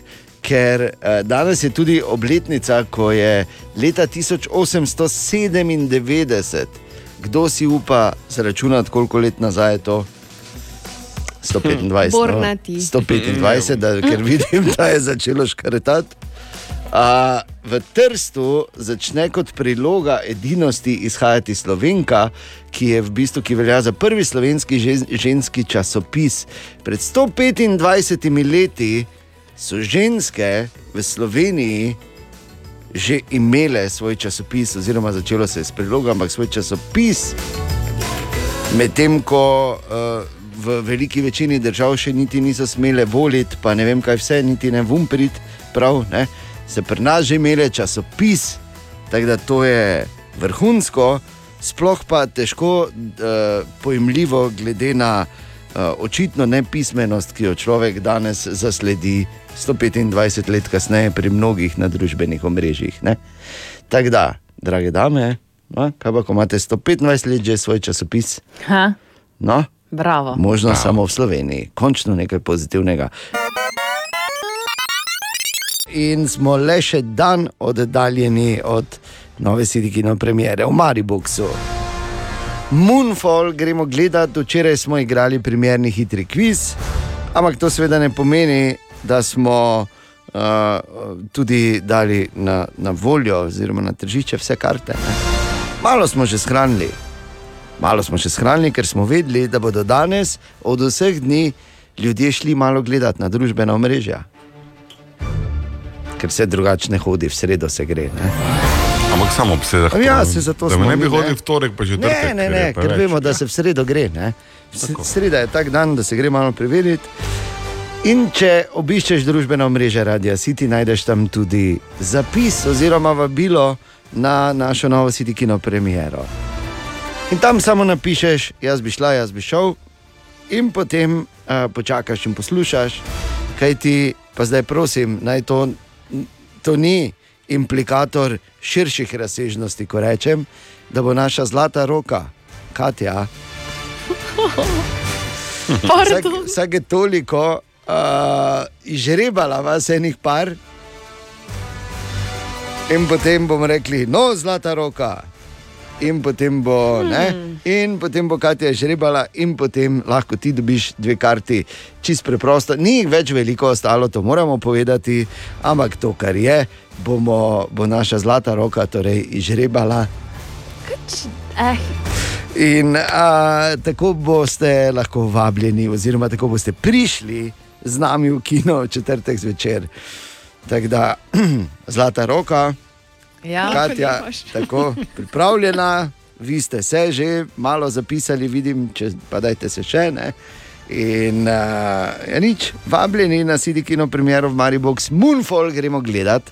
In uh, zdaj uh, te od filma pač samo še de, deli ena, dve ali pa par potez naše zlate roke, Katje, ki bo torej, žrebala prvič, že čez približno pol ure. Tako, 8 minut, oziroma. Veliko sreče in dobro jutro. Vse vidno, torej. In ko človek tako malo lista po zanimivih naslovih, danes zjutraj eh, imamo eno, s- mogoče malo pripombo, kaj če ne bi, ker določeni se berejo tako, da vice sami pišejo za nas. Namreč, Okej. okay, ker tu je ta naslov. 70 let se je vozil brez izpita, pa so ga ujeli. 70. Ja, ampak uh, ni fora v tem, fora je v tem, bor, dolgo si zdržal. Razumeš zdaj, ko govorimo o teh naslovih? Dobro jutro. Dobro jutro. En zanimiv efekt se je pri nas, eh, pa ne samo tu v našem koncu Slovenije, ampak se mi zdi, da v Sloveniji nasploh eh, razvil ali pa smo ga od zunaj uvozili, kakorkoli ostaja dejstvo, da so izjemno, izjemno popularni bifeji oziroma kafiči na benzinskih črpalkah. Ne? Tam je skozi nekdo, tam je skozi puno, tam so celo neki punkti, odvisno pač eh, o kateri pumpi se pogovarjamo. In efekt popularnosti bifejev na pumpah smo se odločili raziskati, oziroma ga je raziskal David. David, kaj si ugotovil? Najprej sem ugotovil, oziroma to sem že pred odhodom na teren ugotavljal, da so precej priročne. Kupiš lahko pri Grizek trgovini kakšen sendvič, potem, če si pozabil kakšno obletnico, so čokolade, vrtnice imajo ponekod, lokalu poleg imajo seveda tudi kavo, tortice in pa tisto, seveda, kar ostali lokali, naprimer na Lentu, nikoli ne bodo imeli, gorivo si lahko natočiš enostavno in ponekod imajo celo avtopralnico. Ampak kljub temu je bilo torej treba vprašati tiste, ki so tam redni gostje. Zakaj se tu ustavljamo? Ja, zdaj smo šli iz Pohorja, pa to je ob poti, takoj se ustaviš na kakšno kavico, na kakšen prigrizek, taki hodok kot je tole, pa potem gremo na, naprej. Ampak zakaj pa mogoče ne greste v mesto, na Lent ali kam? Če pa to je ob poti, takoj, ko se vračaš iz Pohorja, je tu, pa tu smo doma in je to. Ne vem, tu smo navajeni, tu imamo blizu službo, pa to. Pa smo navajeni, da se vsi zbirajo tu, kaj imamo tu pisarne, pa to. To je baza. Neka baza, ne vem. Pa kaj, mislim, kdaj pomisliš, da bi mogoče šel na Lent? Na To grem, ja, to grem. Druga tako, ob nedeljah ali pa petkih zvečer. Poleti, večinoma poleti. Ko je več časa, predvidevam, ne? Tako, ko je prosti čas, pa to, ko ni službe. Na kavo hodim, pa dolgo že hodim, sem pa prijatelji prije. Kava je dobro, ja, pa prijazno osebje, pa no, se navadiš, ne, kaj pa hodiš, ne. Ker sem tankal. Ampak ste redno stanka? Takrat, ko zmanjka benzina. Takrat, ko zmanjka benzina, se Sem redna, oziroma malo predno zmanjka. Ja. V avto ne kadim, ustavim, tankam, avto prestavim, pa grem na kavo. Ja, dobra kava, pa tank štela, ne? Se tankat moraš iti, pa reči na kafe, ne? Sicer vem, da nisem prvi, ki je to ugotovil oziroma rekel, ljudje smo bitja navad, se pravi, radi hodimo v iste lokale. Kjer je postrežba kvalitetna, in tako naprej. Tako da, če imaš na kupu vse te storitve, pa še za ston parkirišče, prej ali slej, rataš redna stranka. Ok, to je menda logično. Si pa kaj vprašal tudi na takarice, domnevam. Ja, seveda se razume. Mislim, one so tiste, ki redne stranke vsaj malo poznajo, če ne kar precej. Jaz mislim, da se redni gosti večinoma vračajo zaradi kvalitete kave, pa tudi same navajenosti okolja. Pridejo mimo grede v službo ali na poti iz službe. Uh, so špice, dopoldanske špice, popoldanske špice, to pomeni v času odhoda iz službe ali pa pred službo. V tem času je v bistvu največ. So pa tudi vikendi, ko je nabito polno. Je pa zanimivo vseeno mogoče, da bi se lahko ljudje nekam sedli, nekam drugam stran od pumpe, mogoče stran od ceste, pa vseeno sem pridejo. Ne? To pa ne bi znala povedati, zakaj je temu tako. Po moje so navajeni in še pridejo sem, ko pa da grejo bilo kam drugam. Ne. Samo vseeno ne moremo mimo razmišljanja, da bi človek lahko recimo, šel tudi kam drugam, tudi kam naravo, recimo kakorkoli, ampak verjetno ni tako priročno. Ne? Tako, predvsem stran od ceste, kot že rečeno. Nisem si znal odgovoriti na to, potem pa sem šel domov k staršem na obisk in srečal v Tepanju na črpalki dva uh, moja prijatelja iz otroštva. Malo smo se pogovarjali in eden od njih je rekel stvar, ki mi je dala misliti. Ja, najbolj usput mi je do, do, na poti do konic, ne? prijazen ambient. Kako ti pomeni, da je parking zasnovan? Velik. Od ena do deset. Deset. Se pravi, usput. In potem sem skočil nazaj v Maribor še enkrat preveriti, če to tudi drži tukaj. Zakaj smo prišli na pumpo, ker a, smo pač a, delali tukaj, pa smo prišli pač sem na, na pijačo. Na poti, ne? Po poti. Ja, izput, ja. Pa greste kdaj, ne vem, na Lenco ali pa kak tam? Ne, konec pa ne. Ker smo radvančanari, pa tu pa gremo bolj v tote domače. Ko se ti odločiš, da boš nekam postavil črpalko, jo postaviš na čim bolj strateško ugodno lokacijo, da povereš seveda čim več ljudi, ki pridejo k tebi po gorivo, ko so na poti službe ali kaj podobnega. Zdaj pa ta lastnost je potem tudi koristna za gostinski lokal, seveda, če se s kolegom pogovarjaš, kjer se dobiva, nekje, kjer je dostopno v smislu infrastrukture, oziroma kjer je glavna cesta in kjer se da parkirati in se da za ston parkirati, kar je ponovadi očitno na pumpi. Tako, evo. Ker smo radi komod ne, in smo zato pripravljeni žrtvovati tudi mogoče um, te čudovite razglede ali pa te čudovite zvoke, ki jih imaš kje v naravi. ja, fino. ne.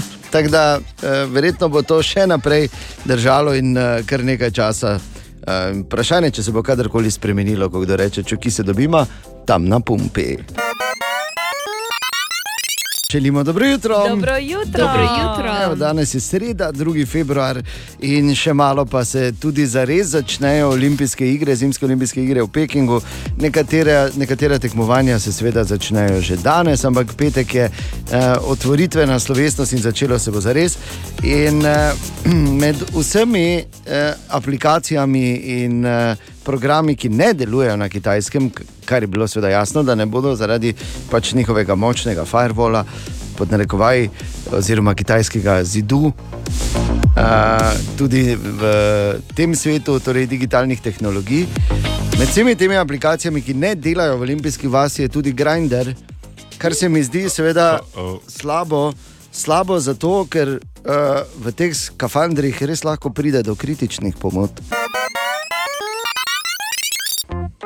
O, Tine! Tine, dobro jutro. Dobro jutro. Ja, zdravo. Dobro jutro. jutro. Um, eno vprašanje Tine, oziroma eno mnenje. Veš, zdaj, ko smo povedali, da recimo med drugim tudi Grinderja ne morejo uporabljati te olimpijskih igrah. Misliš, da je Kje? kozmetičar, nehaj bolj. Kozmetičar Darko zadovoljen, da vseeno ni treniral in da ni vrhunski športnik olimpijec? On je vrhunski športnik. A je, ok, pardon. Samo ni olimpijski športnik. Morda, če ga kaj srečaš, ga kdaj vprašaj. Ne?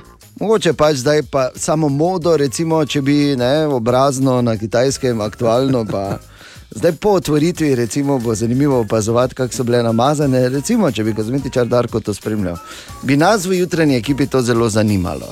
Bom ga vprašal, zdaj te dni je sicer v Brdih. A v Brdih je? Lepo. Tja, Kaj pa dela brdi? Ja, Kot kaj, ko kaj se se v to? Brdih dela? Pije se, ne? Ja, ne Pije vem, se. ima tudi festival češen tam. tak da. Ja, ja ampak zdaj se No, februarja je šel na Vprašaj me, kaj se dela brdi, odvisno od sezone. Ja, Rekel sem, da je zdaj v Brdih, Grajner. okay. Dobro. Kaj pa imamo danes, Tine, pripravljeno? Au, eno močno. Dobro. Ali ste vedeli, da eh, magnolije oprašujejo hrošči? Zato, ker so magnolije starejše kot čebele. Taj nehaj. Prej so bile magnolije na zemlji kot čebele. Ne. Noro. Ha? Ja, Wow. Kdo bi si mislil? Ja, res, kdo bi si Ne? mislil? Mislim, zakaj bi si sploh mislil, kaj takega? Ne? Je res, da, da ti to pade na pamet, samo dosta stvari o Boru to razloži. No, jaz sem bil zraven, ne? pa se spomnim tega sestanka, ko so magnolije imele. No, no, no, no, no, bilo, no, pa no, so bile ni, prava smer ne gre ta vic, Bor. Šmrke nas ne bo vpraševali. Ker jih Če ni bilo. bilo. Ja, koliko so prišle, ne? Ja. No, te šmrt. Mogoče bi mogel iti tudi v Brda malo več Ja, na češče. je. Na Zdaj češnje, na ja. festival češen, veš, kako je lepo, zdaj tam idi, fulma Ja. češen. Taki, mm, sicer so vložene, samo mm, veš, kako so dobre, pa tako bi papal. Juhu. Pa mandarine. Ma mandarince, pa vse, pa figice. Uh. Okay. Zelo zanimiva informacija, Tine. Če pa res rečeš kozmetičarja Darko, ta pa ga lepo vprašaj. Veš, da bom gledal starino. Ok, to, to, to. Aha, aha, aha, aha, aha, aha, aha efekt. Torej, v aha efektu Bor danes uh, odgovarja na vprašanje Klarise, ki jo zanima, da je že večkrat, oziroma je napisala tako, da je večkrat slišala, da nekateri verjamejo, da lahko tudi s pomočjo kristalov rešuješ marsikatere tudi zdravstvene težave. Je to znanstveno dokazano ali gre za neke vrste prepričanje? Bor Grajner, gemolog. Dobro jutro. Nekje vmes smo, zato ker vemo, da znanost se trudi nekatere pojave pojasniti na zelo majhnih delcih in kristali in njihov vpliv je dejansko domena teh razlag. Zato, ker vemo, da je človek povezan z živo in neživo naravo, ampak kristali, se to nič ni razen. Pač, ne, ja, ne, iz istih osnovnih delcev smo in če gremo, pravi pač kvantna fizika, zelo globoko, ne, prihajamo do osnovnih delcev, ki se razlikujejo po kvaliteti vibracije. Recimo. In to je tudi neka razlaga, na katero se mnogi ljudje, ko kristale prodajajo, fejstopirajo. V resnici pa seveda fizika ni tako daleč, da bi uspela adekvatno pojasniti, kakšna povezava med kristali in nami obstaja. Um, običajno v teh pogovorih ne, nekdo reče, ja, sej, če pa deluje za mene, me pa itak ne zanima, kako deluje. Ja, tudi to je kamen, ki ga moramo obrniti, zato ker placebo efekt je vseeno nekaj, kar je precej bolj raziskano kot pa vpliv kristalov na človeška telesa. In vemo, da Mm. ko človek trdno verjame, da mu nekaj pomaga, mu dejansko pomaga, ampak s tem pravzaprav samo aktivira uh, notranje rezerve ali pa moči, ki jih sam kot človek že ima.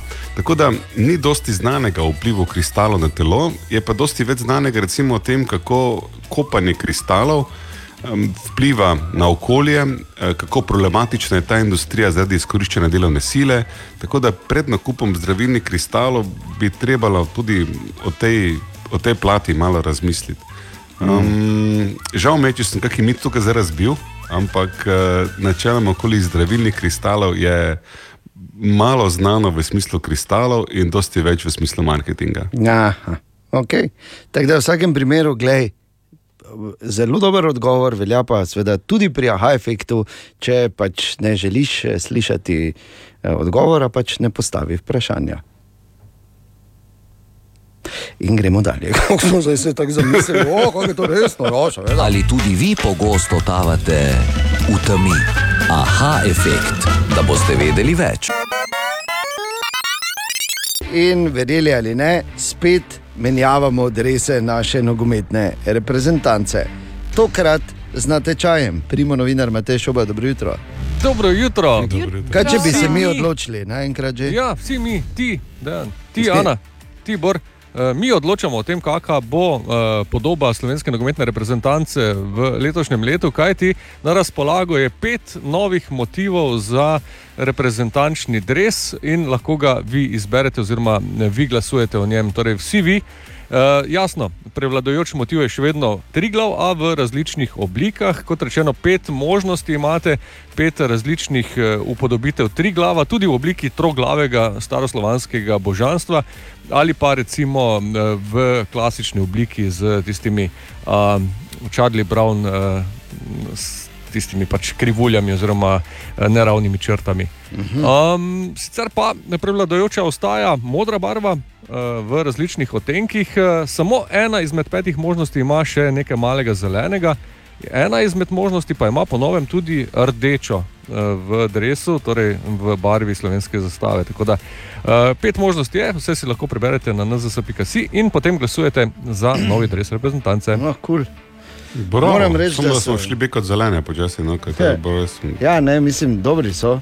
Moram reči, da sem, sem kar. Uh, uh, edino dreš štiri je taki malo bolj, ne? Spominjam. ja, no, pač, ko, ko, da, ko da je dres od celja. Tako da, uh, pa nič ni narobe z dresom celja, samo zdaj govorimo o dresu reprezentance, ne bi kdo narobe razumel. Tako da, ja, Jaz dam glas enkici. Ja, bravo, Matejas tudi. Seveda, veliki umi razmišljajo enako. Pa roka. Torej, na nzs.si lahko glasuješ tudi ti. Res nisem hotel, da bi bila Rima prisežena. Zgodba Oliverja Tiča oziroma Oliverja Walkerja je zgodba, ki jo spremljamo tudi tu na Radio City. Namreč Oli se je leta 2018 odločil, da bo prehodil celo pot od najbolj južnega dela Južne Amerike do najbolj severnega dela Severne Amerike. In trenutno je v Združenih državah Amerike na svoji 27 tisoč km dolgi poti, na kateri ga v zadnjem času spremlja tudi psička Karlitost in Oli se vsake toliko malo javi in malo povzame eh, in pove, kaj se mu kaj dogaja. Oli. Sem vstopil v ZDA, a zdaj bo pa vse skupaj malo bolj natempirano, zdaj pa ne bo več izgovorov, je vroče, pa sem, pa ni varno, pa tja, zato ker imam vizo samo za 90 dni. Turistična viza mi je bila izdana za 3 mesece, tako da imam 3 mesece časa, približno za 3000 km, tako da moram delati vsak dan tam nekje 33-34 km, kar pomeni, če en dan ne naredim 33, moram naslednji dan 66. tako da. Za nami je po mojem ene 250 km. Združene države Amerike, pol sledi eh, Zvezdna država Nebraska, Kansas, South Dakota, North Dakota, oziroma Južna pa Severna Dakota. Pol stopim v Kanado, pa na koncu še Paljasko, tako da pred mano je še do konca, do Arktičnega oceana, še imam približno 7800 km, tu nekje. Sem se ustavil v trgovini, da bi nakupil stvari, ker sem vedel, da pol nadaljnih 60 km ni nič. Pa mi pravi gospod, lastnik trgovine, ja, tu pa ni več checkpointa, pred leti je bil, zdaj so ga pa ukinali. Je rekel, lahko pri meni tule prespiš. In res, eh, na dvorišču sem postavil šotor, medtem ko sem postavil šotor, mi je njegova žena pripravila večerjo, eh, drug dan me je zajtrk čakal, vse res eh, neverjetno. Ljudje so bili neverjetno prijazni do mene, tudi med potjo so se ustavljali. Pa še ena prigoda iz ZDA, to pa itak sem že navajen uh, dobrote ljudi iz ZDA iz leta 2016, ko sem prečkal ZDA od obale do obale. Sem se postavil zdaj tu pred enim uh, nakupovalnim centrom, kjer imajo WiFi in pač da, da sem lahko lovil ta WiFi in se začel z eno gospo pogovarjati, pa me vpraša, kje bom prespal. Pa ji povem, da grem malo naprej, da bom poiskal. Rekla, ah, kje lahko pri meni tu postaviš šotor na malo naprej, tri km naprej sem doma. In tistem, ko se z njo pogovarjam, pride ena gospa, mi položi v voziček dve vrečki a, priboljškov za karlitos, pa nekaj denarja, čez minuto, dve pa še me potreblja gospod po hrbtu. Pa mi da tudi neki bankovce v roko, jaz sem mislil, kaj se zdaj to dogaja, čist mi je res presenečen. Tako da res američani so res en nivo uh, više, ali kako bi rekel, glede tega. Tako je na stvari, da se policaji tudi veliko ne ustavljajo, ker mislijo, da imamo otroka v vozičku. In ona je tudi to mislila, tako da se je ustavila, da preveri, če je vse ok. Pole pa videla, da je, da je Karlitos, oziroma da je pes.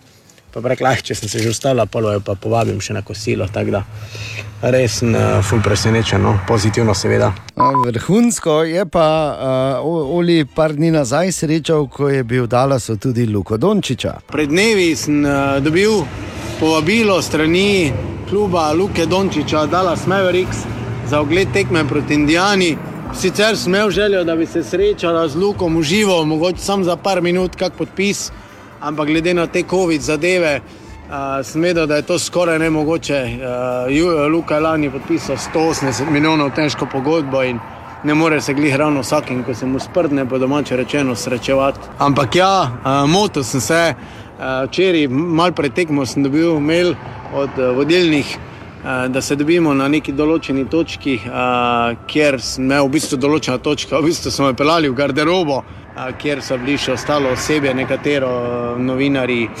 fotoreporteri, tako da so tudi obeležili ta dogodek. Prišel je Luka, spregovorili smo par besed, ne vem, kaj nismo, ker eh, ga tudi nisem hotel zadrževati, pa tudi nismo mogli jih pustiti do besede. Uh, ampak ja, res bilo je kul. Cool. Uh, uh, Luka se mi je tudi podpisal na adres. Uh, ta adres uh, bo predmet licitacije, oziroma bo prodan na dražbi, ko se vrnem v um, denar, bo pa to ves izkupiček bo pa namenjen nekomu, ki je res potreben, ker meni skupnost eh, stoji ob strani že par let. Me podpira pri projektu, brez njih mi ne bi to ratalo. To bo ena mala zahvala za vse dobro delo v preteklosti. Ja, izjemno, Oliverja, seveda lahko spremljaš na njegovih družbenih omrežjih. Zaenkrat pa, Oli, hvala za tvoj čas. Se spet slišimo, ko bo in srečno tebi in srečno Karlitos na teh preostalih sedmih tisočih kilometrov. Eh, sedem, sedem tisoč Preostalih sedem tisoč. Kilometrih. Ja, ja, katastrofa. Eh. Pusti me danes. Ampak, Oli, srečno in je. hvala. Samo res. ti laufaj. Hodi. Dobro jutro. Dobro Dobro jutro. jutro. E, in nič ni, veš, ni, nič se ne vleže bolj kot recimo ena geografska uganka na vse zgodaj zjutraj. Izstopam. se, kako se to zbudimo hitro. Kako je to, eh. seveda. Se, Šest pa sedem Ja, minut. adijo, ja. Kar šel. seveda, pa se ne morete biti tak. Jo pa je bila cesta. Pa niti 12:45, recimo geografska oganka nikoli. Dost lažje je te geografske uganke reševati ob 12:45, odkar je Google Maps. Ne? Ja. Ali pa Vem, če ja. si vem, geograf. vem, vem, vem, vem. Če, ampak pazi, te- samo ugibaj. Če rečemo, da imaš Švedska 267 570 tega in to je največ na svetu, o čem govorim. Švedska. Ja, dve, Neki fjordi bodo. Ne? fjordi. Niso fjordi. Švedska ni najbolj znana po fjordih. Ne? To je ena druga država, ki je znana po fjordih. Hmm. Severno od Švedske. Skupaj se držita, v bistvu delita si mejo. Ampak ni 267 570, slega Google. Google, da se kadi. Rekel, da ne, ne. Prosim, ne. Ja. Ampak samo tako, ugibajmo, kaj bi lahko bilo. Tak, dajmo, ne, otroci, Tako dosti, ko je lahko sem švedski Zdaj- kon. Ne? ne. ne sam, samo povem, da pet, Geografski petka je. pojem je. Ne? Ja, seveda, če je geografska uganka. Torej, a, petka je šla, da smo si na jasnem, zdaj še za štirko. Ne? Hmm. Če Ja, zdaj dobimo, kaki, kake namige? Ja, pač kaj bi lahko bilo, če jih je dosti, recimo, ne? pa geografski pojem je. Ne? Za štirko še ni namiga. 267 Jezera jezera, ne, Finska jih ima največ. Ne? Torej, zdaj pa za trojko. 267 570 jih imajo na švedskem. Gričev. Gričev, bor, absolutno ne drži, ok, samo za dvojko še. Za z- dvojkico Pol pa dam namig, dam namig, bor je poleti na enem takem pet tednov na Hrvaškem. Otokov! Ja, Pardon. 267 tisoč 570 jih imajo. Ja. Od tega jih je seveda na tisoče nenaseljenih, pa tistih drobcenih in tako dalje, ne? Po- efekt, ki ga poznamo iz Jadranskega morja tudi. Ne? Ampak 267 tisoč 570 in to je država z največ otoki na svetu. Razen. Moram verjeti. Ja, razen če pač vsi ti tektonski premiki, ki se dogajajo eh, na, oceanski, na dnu oceanov, v tem času naredijo kako presenečenje, še kje. Ne? Ampak do takrat pa Švedska. Evo, pa smo se naučili. Ne? Dežela, ki se smo dobili dvojko? Za dvojkico sicer tako opiramo, bolj, ampak preizkusni je pa že. Je pa pozitivno, ja, Tako, pozitivno. Želimo dobro jutro. Dobro jutro. Dobro jutro. Ja, danes je že četrtek in ko malo tako listaš po naslovih zunaj, vidiš tudi eh, to žalostno novico. To sem prebral včeraj, ko je bil 2. februar in ko je bil ta Groundhog Day. Ne? Vse veste, to je ono, ko pač svetovni fil, svizec pride ven in če uh -huh. vidi svojo senco ne, in gre nazaj, kak je, bo ne vem, bodo deževale mesne kroglice ali kak že v bistvu kaj verjamejo. Ne? Ja, nekako Pač nekako je. z Ja. vremenom je povezano. Ampak uh, se da prebrati tudi, da je uh, Svizec, ki je zadnjih šest let napovedoval iz Cer Mel from Miltown, uh, je šel pač napovedovati tja gor. Ne. Bil je že toliko star in več nimajo tega, uh, zdaj pač svista, ki je opravljal to nalogo na, na ta njihov sviščev dan, oziroma uh, Groundhog Day, tako da spomladi pride drugi svizec. Tako da do tega pa se to ni fila, v, v resnici že dolgo ni. Hočem samo povedati, vidiš, še včeraj je napovedoval, danes ga več ni. Vsaka veš sporednica z. Drugimi napovedovalci, To ki jih poznamo, je povsem naključna. Dejan, Dejan, napovej še kaj. Jo, ne, pa dobro. Uah, preveč Monty Pythona za tako zgodaj zjutraj. Dragi Katja in Ana, Mhm. jaz sem eno stvar razmišljal. Mm-mm. Ne. ne, nisi. Ne. Ne, nisi, ne. Ojoj. Jaz sem, jaz sem. Gotovil Povej sem, se, no. da se mi malo, malo pa se mi smilita, tako da jo zdaj pogledam. Ker ne glede na to, kdaj in, in kateri dan se merimo, in kateri del dneva je, in ne glede na to, koliko boste stari, vedno boste morali iti skozi življenje z eh, razmišljanjem levo spodaj, da bi vam abor lahko bil foter. In koliko, po, koliko ga poznam, ne vem, če. Joj, pa da. Je to No. smešno? Ne, nič. Pardon. Ana. Želimo dobro jutro. Dobro jutro. Dobro jutro. Tako. Leto 2022 naj bi bilo izjemno zanimivo tudi na področju filma. To je leto, ko naj bi končno prišel Top Gun novi, čeprav ne verjamem. Ne verjamem. Spet smo ne, tam. Tako ali tako ne, ker to delajo samo zato, da mene zafrkavajo, se to je meni da jasno. Ne? Ampak bo pa v letu 2022, uh, je za leto 2022 napovedanih tudi ogromno zanimivih biografskih filmov. In na to temo smo se pogovarjali z Nejcem Figušem iz eh, spletne strani Filmologija. Pika si zagotovo jo poznaš, če ne. In imaš rad ali rad film, moraš iti kaj na to stran pogledati. Nejc, torej biografski filmi, ki prihajajo. bomo dobili kar nekaj zanimivih eh, biografskih filmov in sicer jih mogoče lahko razdelimo v kategorije.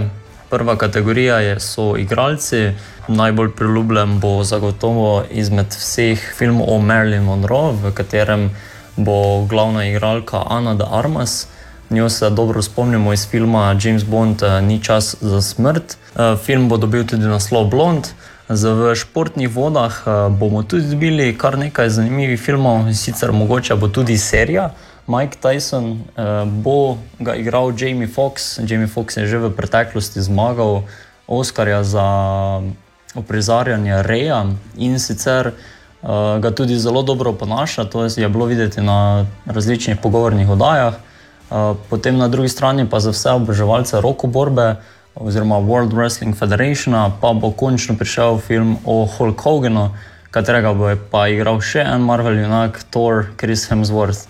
Tako da bo zanimivo videti to njegovo rivalstvo z Andrew the Giantom. Eh, Potem v glasbeni industriji pa bomo dobili dva velika imena. Elvis Presley, ki je seveda legenda in pionir rock and roll žanra, še vedno nekako nima odličnega filma, zato je že čas, da se upraviči tako njegova pomembnost v glasbeni industriji. V glavni vlogi bo ga upodobil Austin Butler, bo pa imel tudi v filmu pomembno vlogo Tom Hanks. Na to pa še imamo Boba Dylana, ki sicer že ima svoj film, vendar ni bil tako uspešen v primerjavi z drugimi biografskimi filmi. Zato se je odločil, da bo združil moči skupaj, torej tudi on sodeluje na tem novem filmu. eh, In mladi, trenutno najboljši mladi igralec za mnoge, Timotej Šalame, bo eh, glavni igralec, oziroma tista oseba, ki ga bo poskus, poskusila upodobiti. Wow. Aha, in to je samo nekaj. Uh, dela zapiske, borim mimo grede. Valjda. No, no, da ne bi slučajno kaj. Elvis prihaja. Ja, spet. Ne.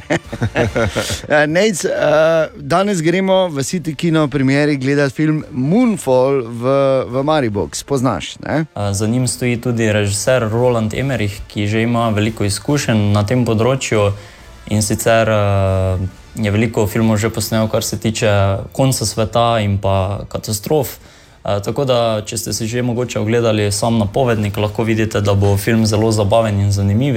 Najboljše izkušnje pa boste seveda dobili, če boste se odpravili v kinematografe, zaradi tega, ker tukaj dobite nek dodaten suspens, eh, vidite vse tiste vizualne, eh, izjemne prizore, ki jih film lahko seveda ponudi.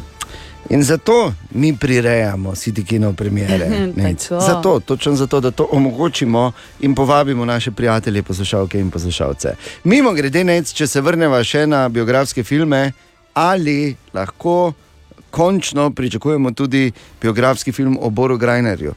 Ja, o tem še nimamo trenutno veliko informacij. Govori se, ni trenutno eh, priljubljenega igralca, dovolj priljubljenega igralca, ki bi ga lahko upodobil. Tako da Ja. a, moramo videti, kako se bo razpletlo vse skupaj ja. za njega. Jaz, ja, Hvala, jaz, ne bi, hvala. Jaz ne bi sape držal, kdo bo meni igral. Veš, kaj Ja, mislite? res je, res je, res. Ni se Lahko- še rodil, veš. Sam sebe lahko samo igraš, ne? samo ti lahko sam sebe. Bomo videli, torej ne bomo držali sape, nec, mimo grede, hvala lepa za vse informacije, se še kaj slišimo. Uh, če pa te zanima karkoli o filmih, pa se veš, filmologija, pika si. Malo nazaj smo govorili o tej vrhunski filmski problematiki, o tem, kdaj bo biografski film o Boru Grajnerju, in Bor je rekel, da ni tega igralca. Ne? In uh, vsi se ne strinjajo, Bor. Ja, pozdravljeni. Za tega igralca, za Bora, eh, jaz predlagam Saša Baron Cohen. Ja. Res je, Saša Baron Cohen. Vprašanje, če je toliko sivega špreja, sicer da mu frizuro uh, ne, izenačijo zborovo trenutno. Ampak, uh, ja, To dejansko ni slab predlog. Ne, v onih kopalkah. Čeprav ne vem, če ni Saša Baron Cohen vseeno malo prekul, da bi tebe igral, veš. A tak zdaj. In moram povedati, in s ponosom moram povedati, da nam je s Katjo uspelo skovati nov vremenski pregovor. Ja. Ne? In, uh, ampak kot vsi pregovori, kot za vse dobre pregovore, velja, uh, seveda z svojo sporočilnostjo presežejo področje, iz katerega so. Ne? Mhm. Teda, čeprav je to vremenski, se ga da razumeti širše. Teda, če smo pripravljeni, Ja, seveda smo. no, pa bolj mislim, uh, Ano in Bora, A ja, ker pardon. tako celce prestrašen. Ne vem, ampak Se ja, pa nič ne bo. Mirno, ok, torej, to je ta pregovor, Katja. Ni vedno sonce. Včasih je prasica. Narečja so zakon. Ha, kva, koga, kaj? Ma ne razumem. Tako vsak dan in vse skozi trdimo, tudi seveda na povelje Marka Frasa, ampak eh, tudi zato, ker so narečje ena, narečja ena od največjih posebnosti nas v Sloveniji. No, mi tu v Mariboru imamo še kako drugo posebnost, ne? pa ne bi zdaj o tem. Ne bi s prstom kazali na oči. Ja, recimo, ne, na, na Ok, to- ok, mene mislite, se vem. Ja, se- Ja, dobro, zdaj sem ugotovil. No. Lepo.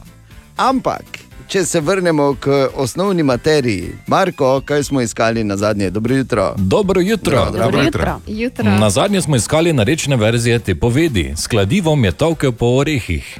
Jaz sem Aleš, prihajam iz Novceve vasi in s Hamarčem je po orehah tuku. Zdravo, sem Anej, prihajam z Rogaške. Pri nas rečemo s pladovcem sem talko orehe. Dober dan, sem Frančka iz Kočevja, sem tukaj s sladovom po orehih. Sem Ingrid, prihajam se iz Zagorja pri Pivki. Pri nas eh, rečemo, da je se z betom tolku po orehih. Bog daj, jaka zubr za te. Pri nas pa temu rečemo tako, s humrom je tuko po orehih. Zdravo, sem Nataša iz okolice Šentirneja. Pri nas vse govorimo na A in besedo s kladivom je tolku po orehih, rečemo takole. Skladbam je tolku po orehih. Zdravo, sem Simon, prihajam iz Prelekije, pri nas tem izrazi rečemo pač, da je samron orehe terjan. Zdravo, moje ime je Tinka, prihajam iz Maribora. Mi pa rečemo, s hamrom je orehe lamal. Dober dan, Uroš pri telefonu iz Zibike, Šmarje Pelšah. Pri nas rečemo skladbecom je tolku po orehah. V tem tednu pa iščemo narečne verzije te povedi. Padejo v Jarek in zakričal: Nič mi ni, kaj pravite vi trije? Repiščica, Riktar in Risalšček. Risalšček. Nič mi ni, to je to, ne? Nič mi ni. Vresen. Nič mi ne. Vresen. Padna je vjorek, Nič mi pa se ni. zdrja nič mi ni. Razmeš? Razmeš? Razmeš, Bor? Ja. Dodani bonus za tebe, Katja, nič mi ni le srce, me boli. Eh, Odkot je to? Iz tvojega življenja. Nič mi ni, le veter piha. Na vse strani. Ni treba na silo iskati. Uh, ok, Marko, kaj si to rekel? Repiščica je sinica ali ptica, Riktar je vaški poglavar ali župan, Risalšček pa je mesec maj, staro ime za mesec maj. In še eno dodatno vprašanje. Ali veste, kako so v stari prekmurščini rekli reki Ren? Kaj? Kaj so vedeli za reko Ren, stari prekmurci? ok, Marko, povej. Odgovor je sila preprost, Renuš. Renuš. Renuš, si se vrenušil. Kaj te je Renuš, oplazo? Ok, niso tako rekli stari prekmurci, ampak razumeš, kaj Upam, hočem da ne, povedati. niso. Ja. Lepo, lepo, nareče so zakon vsak dan pri nas na radiju in na naših družbenih omrežjih. Ha, koga? Ma ne razumem. Narečja so zakon. In ko človek tako malo lista med zanimivimi naslovi, danes zjutraj najde tudi recimo informacijo, da je danes svetovni dan branja na glas. Oziroma na nek način mi danes praznujemo, ne? vsi, ki Ja. delajo na radiju. ker, če veš, ker zdaj, da bi zdaj vprašal, kdaj si pa ti na zadnje na glas brala oziroma bral, je odgovor pri nas relativno preprost. No, skoraj pri vseh, ko vprašamo, kdaj si na zadnje bral na glas, mislimo bral na glas, ne sedela, da berem na glas, zato ker sem se zadnji moment spomnil, kaj imam naslednje in tiho v sebi upam, da jih vsaj polovica ne bo skužila, da govorim iz glave. Ne bor? In želimo dobro jutro. Dobro jutro. jutro. Danes je 3. februar, tudi eh, legendaren dan v našem mestu, po svoje, kajti pred 89 leti se je na današnji dan eh, prav v našem mestu rodil, torej v Mariboru, rodil žal že pokojni, legendarni slovenski igralec Polde Bibič. Polde Bibič, brez katerega recimo ne bi bilo, ker to samo ko malo slišiš, imaš takoj sliko v glavi, ne teh legendarnih. Pa recimo zdaj se pogovarjamo o filmih. Zgodaj se prišel, če je še božič. Dolg čas mi je bo v Ljubljani. Mat tudi mislijo, da bo tista reč nič čudna ne bo. Katera reč? No, da bo vzel sorodnico k sebi, da bo te kuhovan, gospodinva. Če ne jo dobim, če ti ne bo otva. Mat pravijo, da bo tudi to nič čudnega ne bo. Ali pa recimo. Ti nisi pozabil samo na Marijo, tudi na Boga si pozabil, na vse si pozabil, Malek, velik grešnik si, Malek. Če mi bojo dali zemljo komunisti, jo bom vzel pač od komunistov. Od vas tak nisem dobo drugega kot pokoro pa blagoslove. In zakaj že še nimamo ulice Poldeta Bibiča v Mariboru? Samo vprašam. O, Tine!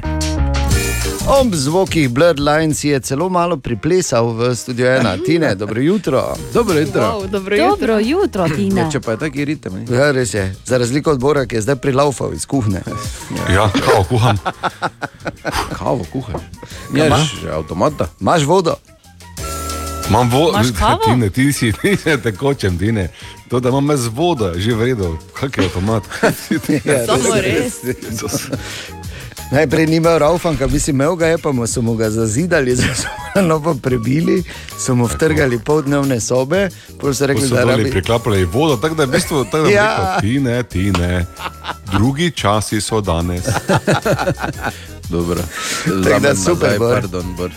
Lepo. Ma streho imaš, ne? To je tudi. Ja, Zadnje, ko sem, ne, ne činkse, no res. Zjutraj se bo zbudil, pa balkonskih vrat ne bo.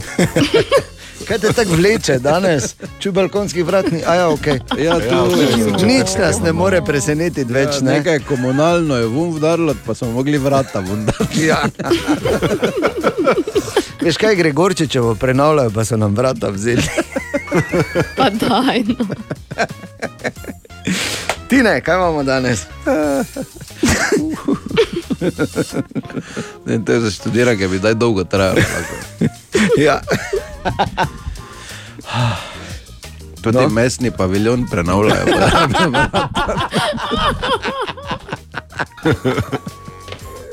Ja. Pa Svinska forma, ni vrat. okay, vredo. Ali ste vedeli, da 99 odstotkov Estoncev ima modre oči? Daj nehaj. Eh? Wow. Estonija, država modrov, te so si vsi žlahti, pravzaprav. Ne? Ja. Ker vemo, da vsi. Ja, Ja, če pa je, res je. rekel, ja, poznam Ja, to, čakova je ista. Ne. Hvala lepa. Ja. Vprašanje za Ahajfik za danes zjutraj. Seba je pisal na jutro, afnar. Če so malo, kdo, kdo je pisal? Seba. Seba. Po mojem je seba, ne? ampak uh, seba tudi Ja, seba, res? Sebulba. Pardon, ja, to, Kratki to je zdaj iz katerega filma je Sebulba? Ja. Prvič ga vidimo v. Ah, je seveda v Phantom Menace, ampak. Kaj me, vidim, kaj me nivo lahko, ne zdaj, lahko prosim, eh, pre- preberem? Okay, pardon, vprašanje? Seba je pisal.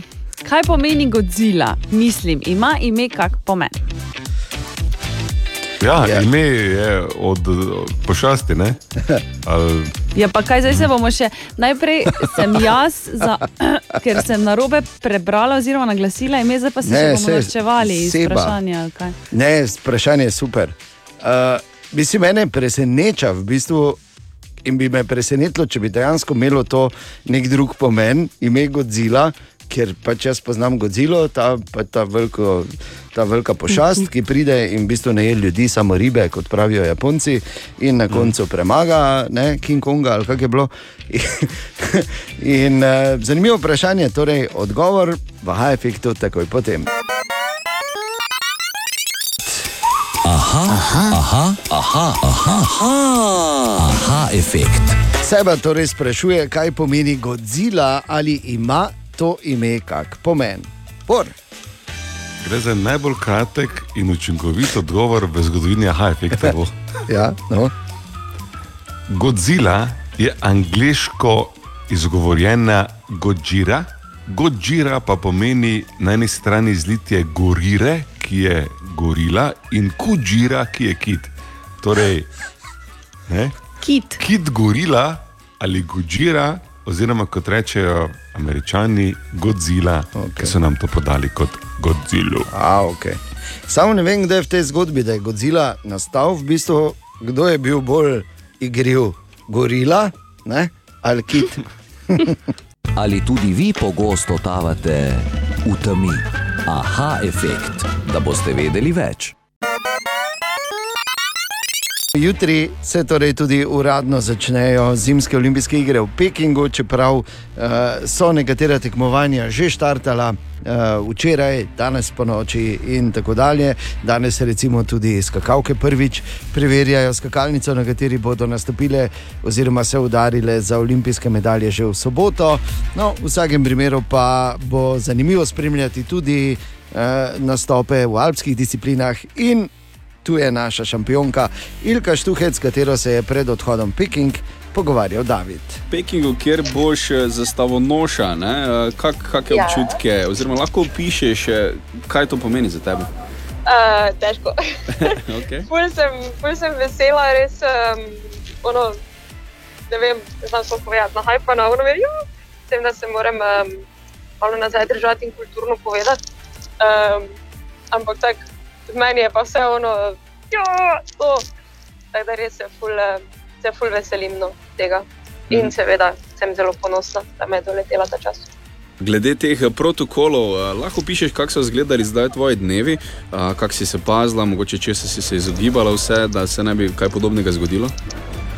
Uh, ja, v bistvu nekako to prakticiram čez zimo že od lani. No. pač se, pardon, eh, to zdaj ni bilo nič, ne bo zdaj. eh, Ne, nič ne nesem s sabo takega peking.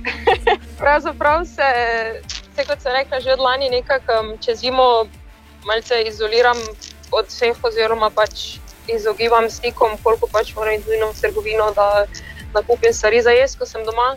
Um, drugače pa ja, pač do teh par mesecev te stisnem, da ni nekih um, nepotrebnih presenečenj prej. Zdaj pa, seveda, za Peking je bilo pa še vse toliko bolj komplicirano, ker je bilo res ogromno papirologije. Zdaj, zelo velik del tega je, je sicer rešila um, fizioterapeutka, ker je delala pač za, za nas vse neke stvari. Tako da, um, ja, fuli hvala za to. uh, in ja, pač še večkrat, običajno smo bili testirani, pa zdaj bom bolj spet vsak dan. Kaj pričakuješ od samega tekmovanja oziroma tekem? Um, kakšni so tvoji cilji? Um, ja, zaenkrat je sploh kar se tiče proge, no, še vse skupaj je rahlo oganka, ker nisem še bila tam, oziroma noben še ni bil tam od nas. Um, dobili smo sicer en kup videoposnetkov, takšnih in drugačnih, ampak vseeno, koliko dansko priješ, tja um, vse skupaj je drugače. Moje pričakovanja so pa ja, čim bolj hitro smučati, ne? to bi pa je pomagalo um, za kakšni vrhunski rezultat. Um, v bistvu vem, kaj moram narediti, zdaj moram samo to še izvesti, takrat, ko bo treba, pa, pa je to to. Nimaš bolj um, natančnih, od katerega do katerega mesta mogoče? Uh, imam zelo natančne cilje, samo bojo uh, ostali pri meni. Tako vedno. Ok, ok, razumem. Znana si mogoče v tem, da se ne ustrašiš nekih velikih tekem. Um, Imaš tudi zato mogoče te cilje malo više, kot ponavadi, ali uh, se s tem sploh ne strinjaš? Uh, ja, pravzaprav se nekako vedno probujem prepričati, da pač tekma je tekma, ne moreš priti čim hitreje od štarta do cilja. Zdaj pa vseeno, ali je to bilo šolsko tekmovanje ne? ali je pač to nekaj večjega. Ne? Seveda pač sem bolj um, tekom let, ker vseeno nisem več med najmlajšimi. Ne? Ugotovila, da temu ni tako, da pač pri velikih tekmah je tu zraven še milijon stvari, um, ki pač seveda tudi sodijo na tako velike tekme, od, vem, od pritiska do dogajanja, pač vsega, kaj gre zraven. No. Um, ampak ja, v trenutku, ko stojim na štartu, je pač pomembno samo to, kako kak se bom spopadla s progo, oziroma kako bom napadla progo. Um, vse ostalo nekako uh, takrat čisto nič ne, ne šteje. Tako in da bi napadla tako kot znaš, Ilka. Srečno pot in predvsem brez okužbe, eh, če pa že, pa še pri eh, najhujših konkurentkah. Da bo lažje, če me razumeš. Nekaj se mi, nekaj. Ah, veš, kak, ko se ti tak Nekaj ne, noter zatakne, ne, da bi Mhm. ostale, ti pa ne. Veš, ko tako rečeš. ne. Tako da srečno potilka in bomo držali pesti in navijali, ko bo čas za ženski smog. In tu je naš priljubljen jutranji segment iz Borove špajze. Ja, dobro jutro. Zdravo. Kako smo danes zjutraj? Noro, Noro noro, jutro. Glej, to je. Uh. eh, Okay, no, torej zdaj lažnivec, lažnjuka, eh, lažnjuka, ker vsi, ki jih poznam te dni, preboleva nekaj. Ne, Pusti ga, ali- Katja. Ja, jaz, jaz si samo povem, ne, da sem danes zjutraj, ko sem tako naredil en mali obračun, sem bil tako, ok, danes je kar v redu, ker mi je samo desna bezgavka zatekla in eh, Joj, pakira luče vunit. Zgornji do hrbta je že boljši kot včeraj, a spodnji pa lepo žge, zdaj je tu noter. V, mislim, da je šiatikus, lahko pa tudi še od korone simptom. Da, in bolj razmišljam, ne, kaj bom že kar umrl, kaj, ali kaj z mano narobe. Da sem si preprosil diagnozo, blizu je. Abraham, ne? Abraham, ja. A Kaj si pa ti mislil? Ja, no, marsikaj je lahko blizu, ne. Marsikdo je na robe, mislil, zato sem iz varnega Ja, ja, ja. povedal. A, ne. Ampak ni za samo to, ne, da sem jaz za malo starejši, pa vsi moji prijatelji starejši. Ne, uh, zdi se mi, da vsi smo malo v fazi, ko je treba pojamrati, ker vemo, da je noč najtemnejša, preden se zjasni. Ja, in luč je na koncu tunela. Ne, ne še luč je na stopiti koncu not, Bor. tunela. ne še In stopiti pomla- not, ne še in stopiti pom- not. Pomladi za ovinkom, kurenti že skačijo, kaj z vami. Še malo, pa ne bo več podobno jamrati, ampak trenutno smo v tej fazi, ko moramo vsi malo pojamrati, ker gledaj, Katja, zdaj pa res sprašujem, ti si edina zjutraj, ko nisi rekel, da kaj boli. Kak si danes ti? Ne boli me nič. Malo ti. N- Ja, če me ne boli. Jaz mislim, da se reče, ne? premikamo se od bistvenega. Gremo Ne, ponoviti, ponoviti skupaj. Bor ne stopi v luč. Ne, Ne. stopi Ne, v Bor, luč. ne. Potegni ga. Prosim, ne. Želimo dobro jutro. Dobro Dobro jutro. jutro. Ja, pozdravljeni, danes je 4. februar in to je pač visoko na seznamu pač teh brezveznih mednarodnih dni. Danes je mednarodni dan delaj naga oziroma nagi. Zato ne pozabi. Naga, naga, naga, naga, naga, naga, naga, naga, naga, naga. naga. In tudi ti lahko na današnji dan, da se ne bo kdo počutil slučajno izpuščenega, ne bo tudi ti lahko greš. Nagi, nagi, nagi, nagi, nagi, nagi, nagi, nagi, nagi, nagi, nagi. Želimo dobro jutro. Dobro jutro. Dobro jutro. In ko človek tako malo lista eh, med zanimivimi naslovi, danes zjutraj najdeš tudi tega, da je denimo 69 odstotkov mladih v zadnjem letu prišlo v stik z dvomljivo informacijo na spletu. Tako da vidim, bolj širiš krok. Ne? In ta petek, 4. februarja, prinaša eno presenečenje in sicer to bodo mnogi veseli. Ne enkrat, dvakrat bomo govorili o horoskopu ta teden. Dvakrat! Jaz komaj lahko, komaj lahko mislim, zadržujem to notranje, notranje, notranje, notranje eksplozijo, ne eksplozijo. Teh, ampak na zunaj je smiren, ampak znotraj pa sem kot ognjemet za kitajsko novo leto. Kar daj, kar daj, ker jaz, jaz sem se zelo trudila Okej. ta teden, da sem vse to preverila. Dobro, kaj pa imamo, v bistvu, kakšen horoskop? Ljubezenski horoskop Uh, za leto pije. 2022. Celo leto. Tako. Opje. No, prisluhni. Oven. Številni ovni boste v letu 2022 začeli uvajati spremembe na ljubezenskem področju. Spodbudili boste spremembe, ki vam ne bodo dovolile, da se zadovoljite z malimi stvarmi. Tisti v zvezi se boste zares potrudili izboljšati zvezo. Bik. Tudi v tem letu pri bikih ne gre pričakovati ve nekih večjih presenečenj. Vsekakor se bodo zadeve spremenile na boljše. Dvojčka. Za dvojčke se obeta precej mirno leto. Ljubezenski odnosi se bodo nenehno razvijali in dvojčki boste zlahka premagali ovire, ki se vam bodo našle, znašle na poti. Rak, obeta se vam izboljšanje. Uspelo vam bo doseči usklajenost znotraj sebe in v, odno in v odnosih z drugimi. Zvezde vam bodo to leto res naklonjene.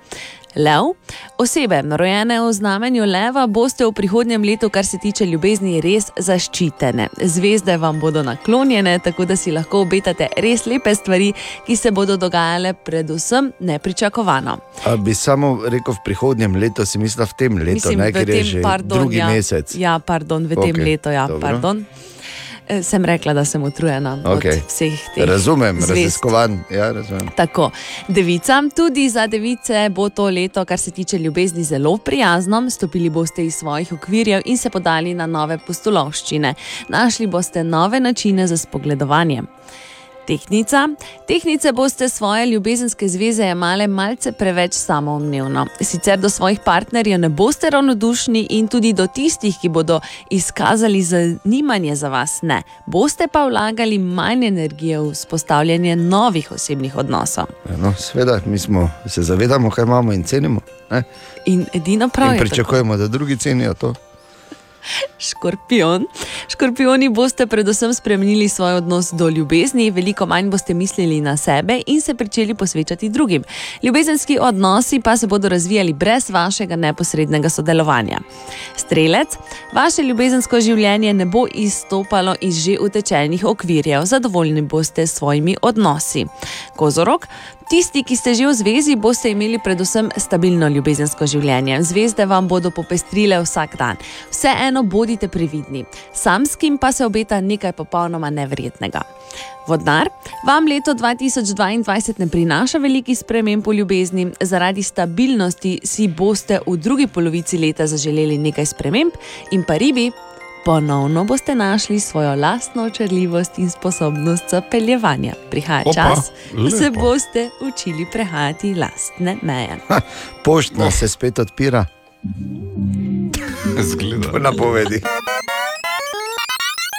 eno mnenje rabim, kaj se meni zdi, ali do Jacket tu cel čas poje Kiss Me Bor. Mhm. To je, točno to. Ha? Ja.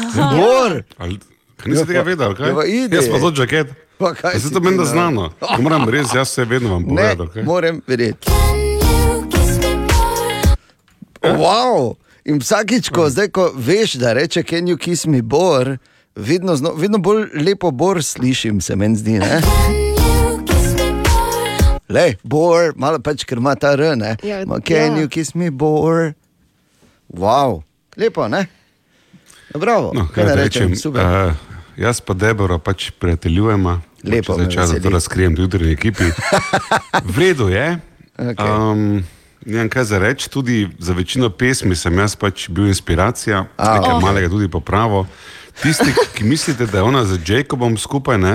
Ja. oziroma enemu pravijo John, drugi Jacob, to je Tudi samo krinka za kličejo, ne? medije. Ja, Ja. pač povem, no zdaj. Ok, ok, vreda je, bor, hvala. Pač en Zakaj? štos kratek je bil, vsi vemo, da ni res.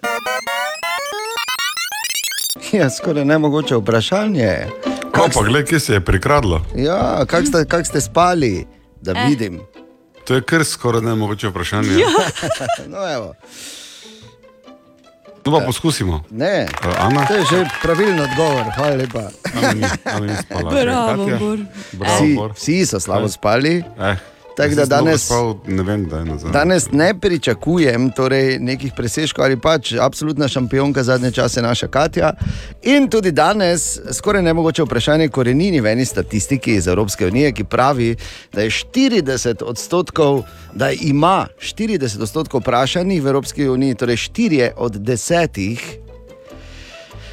ima težave. In to velike težave pri pripravi te priljubljene hrane. Katere? Bolognese. Špageti. Špageti. Kaj, zakaj bi te Ja, imel težave? sigurno neka fo- jajca. Ne, so pa jajca zraven. Ker to je sva zelo širok spekter, moram dati malo. Pecivo. Je pecivo. ne. Torta. Palačinke. Ne. Palačinke, ja, Katja, glejo. Bravo. Se veš, Kako lahko ima težave pri dihtno, pri... ni? Ne, seveda ne. Kako lahko ima težave pri pripravi Ja. palačink? ja. Ja, glej. prav hočem vedeti, kakšne težave tu imajo. Ena Pač se jim je zapekla, on ne. Ne, pač ne znajo peč, tako je. Katja, veš, to je to, na velike šampione se lahko prav vedno zaneseš. Tudi če smo utrujeni. Tudi če so zelo slabo Kaj spali. tem raziskovalcem ni jasno, če ti spečeš vredno palačinka, če ne, reš morn, ne? Rešeno. Še se lahko kje vmes zatakne. Samo za šmorn, ja, pa res se imaš prav. Se imaš prav. Ne, res je. Ja. Naj mi nekdo pove, da nič ni narobe, če ti ne rata, pač šmorn ješ. Ja, Isto no, lahko no. imaš zraven marmelado, halo, ali pa kompot. Tako da, Katja, čestitke. Hvala, hvala. Kompot. Dobro jutro še enkrat. Dobro jutro. Ja, danes je 4. februar, ne le da se začnejo tudi uradno zimske olimpijske igre v Pekingu, ampak danes je tudi mednarodni dan zahvali se poštarju oziroma Boro praznik. Oziroma, Bor reče temu samo dan, ker mu vsak dan nosi. Ja, in vsak dan tudi nekaj dobi, ne? toplo besedo, uh, objemna daleč, uh, kos torte tudi, malo kave, vodo, sok, keks, pač po želji. Niso vsi poštari različni, ampak vse moramo imeti radi. Vsi isti, niso, ne? Niso vsi vsi poštarji so različni? različni. Ja. Vsak je drugačen, to si misli reči. ne. V bistvu sem točno robe rekel, ne? ja, no, glej, Bi si zdaj eno poštarsko klofuto dal. No, v redu, dokler se mu ti zahvaljuješ, problem je, ko se mu začne žena. Ne? O, Tine! Dobro jutro, Tine. Dobro jutro. Ola. Dobro jutro. A, Dobro s- jutro. Z vsem dolžnim spoštovanjem, Tine, danes a, te, bo, te bi jaz preskočil iz preprostega razloga. ja, no, glej, samo malo, ja. Ne zdaj dobesedno, ker ne morem. da ne bi kdo narobe razumel. Ne skočim 1,80 m v višino. Okay. A, ampak a, vseeno a, imam tu, veš, kozmetičar Darko je bil. Ne? Ja, In vse te razumem. Toliko bolj, zato ker tokrat ni imel klasičnega kozmetičarskega nasveta. Pa če se strinjaš, bi jaz vseeno se Darko ta. Brez zamere, no. vse si Ne, fajn. je, Ampak, gledaj, Darko je le Darko. Ne? Torej, in Darko je spet prišel mimo v Natalija in Tine šovu včeraj. Zdravo, ljubica, čau. Uh, Glej, tu sem glih šel mimo, no, pa sem ti kavico prinesel, ker vem, da imaš rado Ja, to, eh, srednjo Darko. podaljšano, srednjo podaljšano, no, Ja, pa kokosovo mleko, mleko. to posebej za bariste, ko je imajo kokosovo mleko, ne, Res pa pistacija okoli, no, tako ko imaš, kaj vem, da imaš to ful rada, ne. Ja, Glej, stara, jaz sem samo mestu, zdravo, Darko, serbus, uh, nimam nič kozmetičnega danes, ne. Ja, ne, glej, samo glej, ker smo. te misli izrabiti. Ja, čakaj samo malo, ne glede, ker kozmetičari moramo biti v trendu vse posodne. Aha, e, Tako da to je e, samo zdaj, da ti na hitro, mimo, ker se mi ful mudi, ne, ker imam ful dela. pa to. E, samo da ti povem, kaj bo letos v e, trendu e, pri spolnih e, O! odnosih.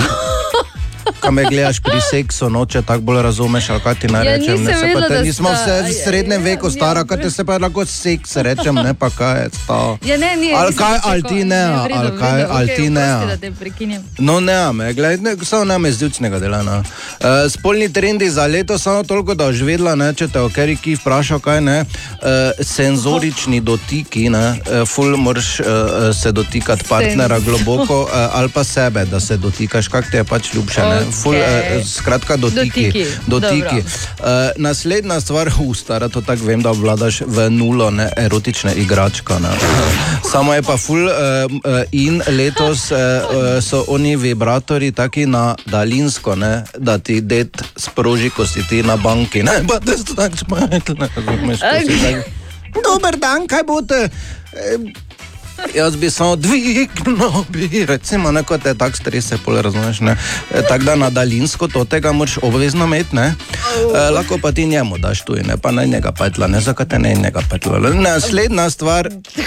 Naslednja stvar, ne se zdaj križa, jaz samo povem, kaj so drugi povedali. Analno. Okay. Doro, tu ne vem zdaj razlago. Ti. Vredo, vredo. To se lahko ekstra dobijo, pa ti povem. Ne? E, pa erotične zgodbe. Ne? Erotične Aha. zgodbe, tu pa tako si močno, no? ker sem A čutil ja. kar, kar nekaj zgodb. okoli, Ne? Tako da.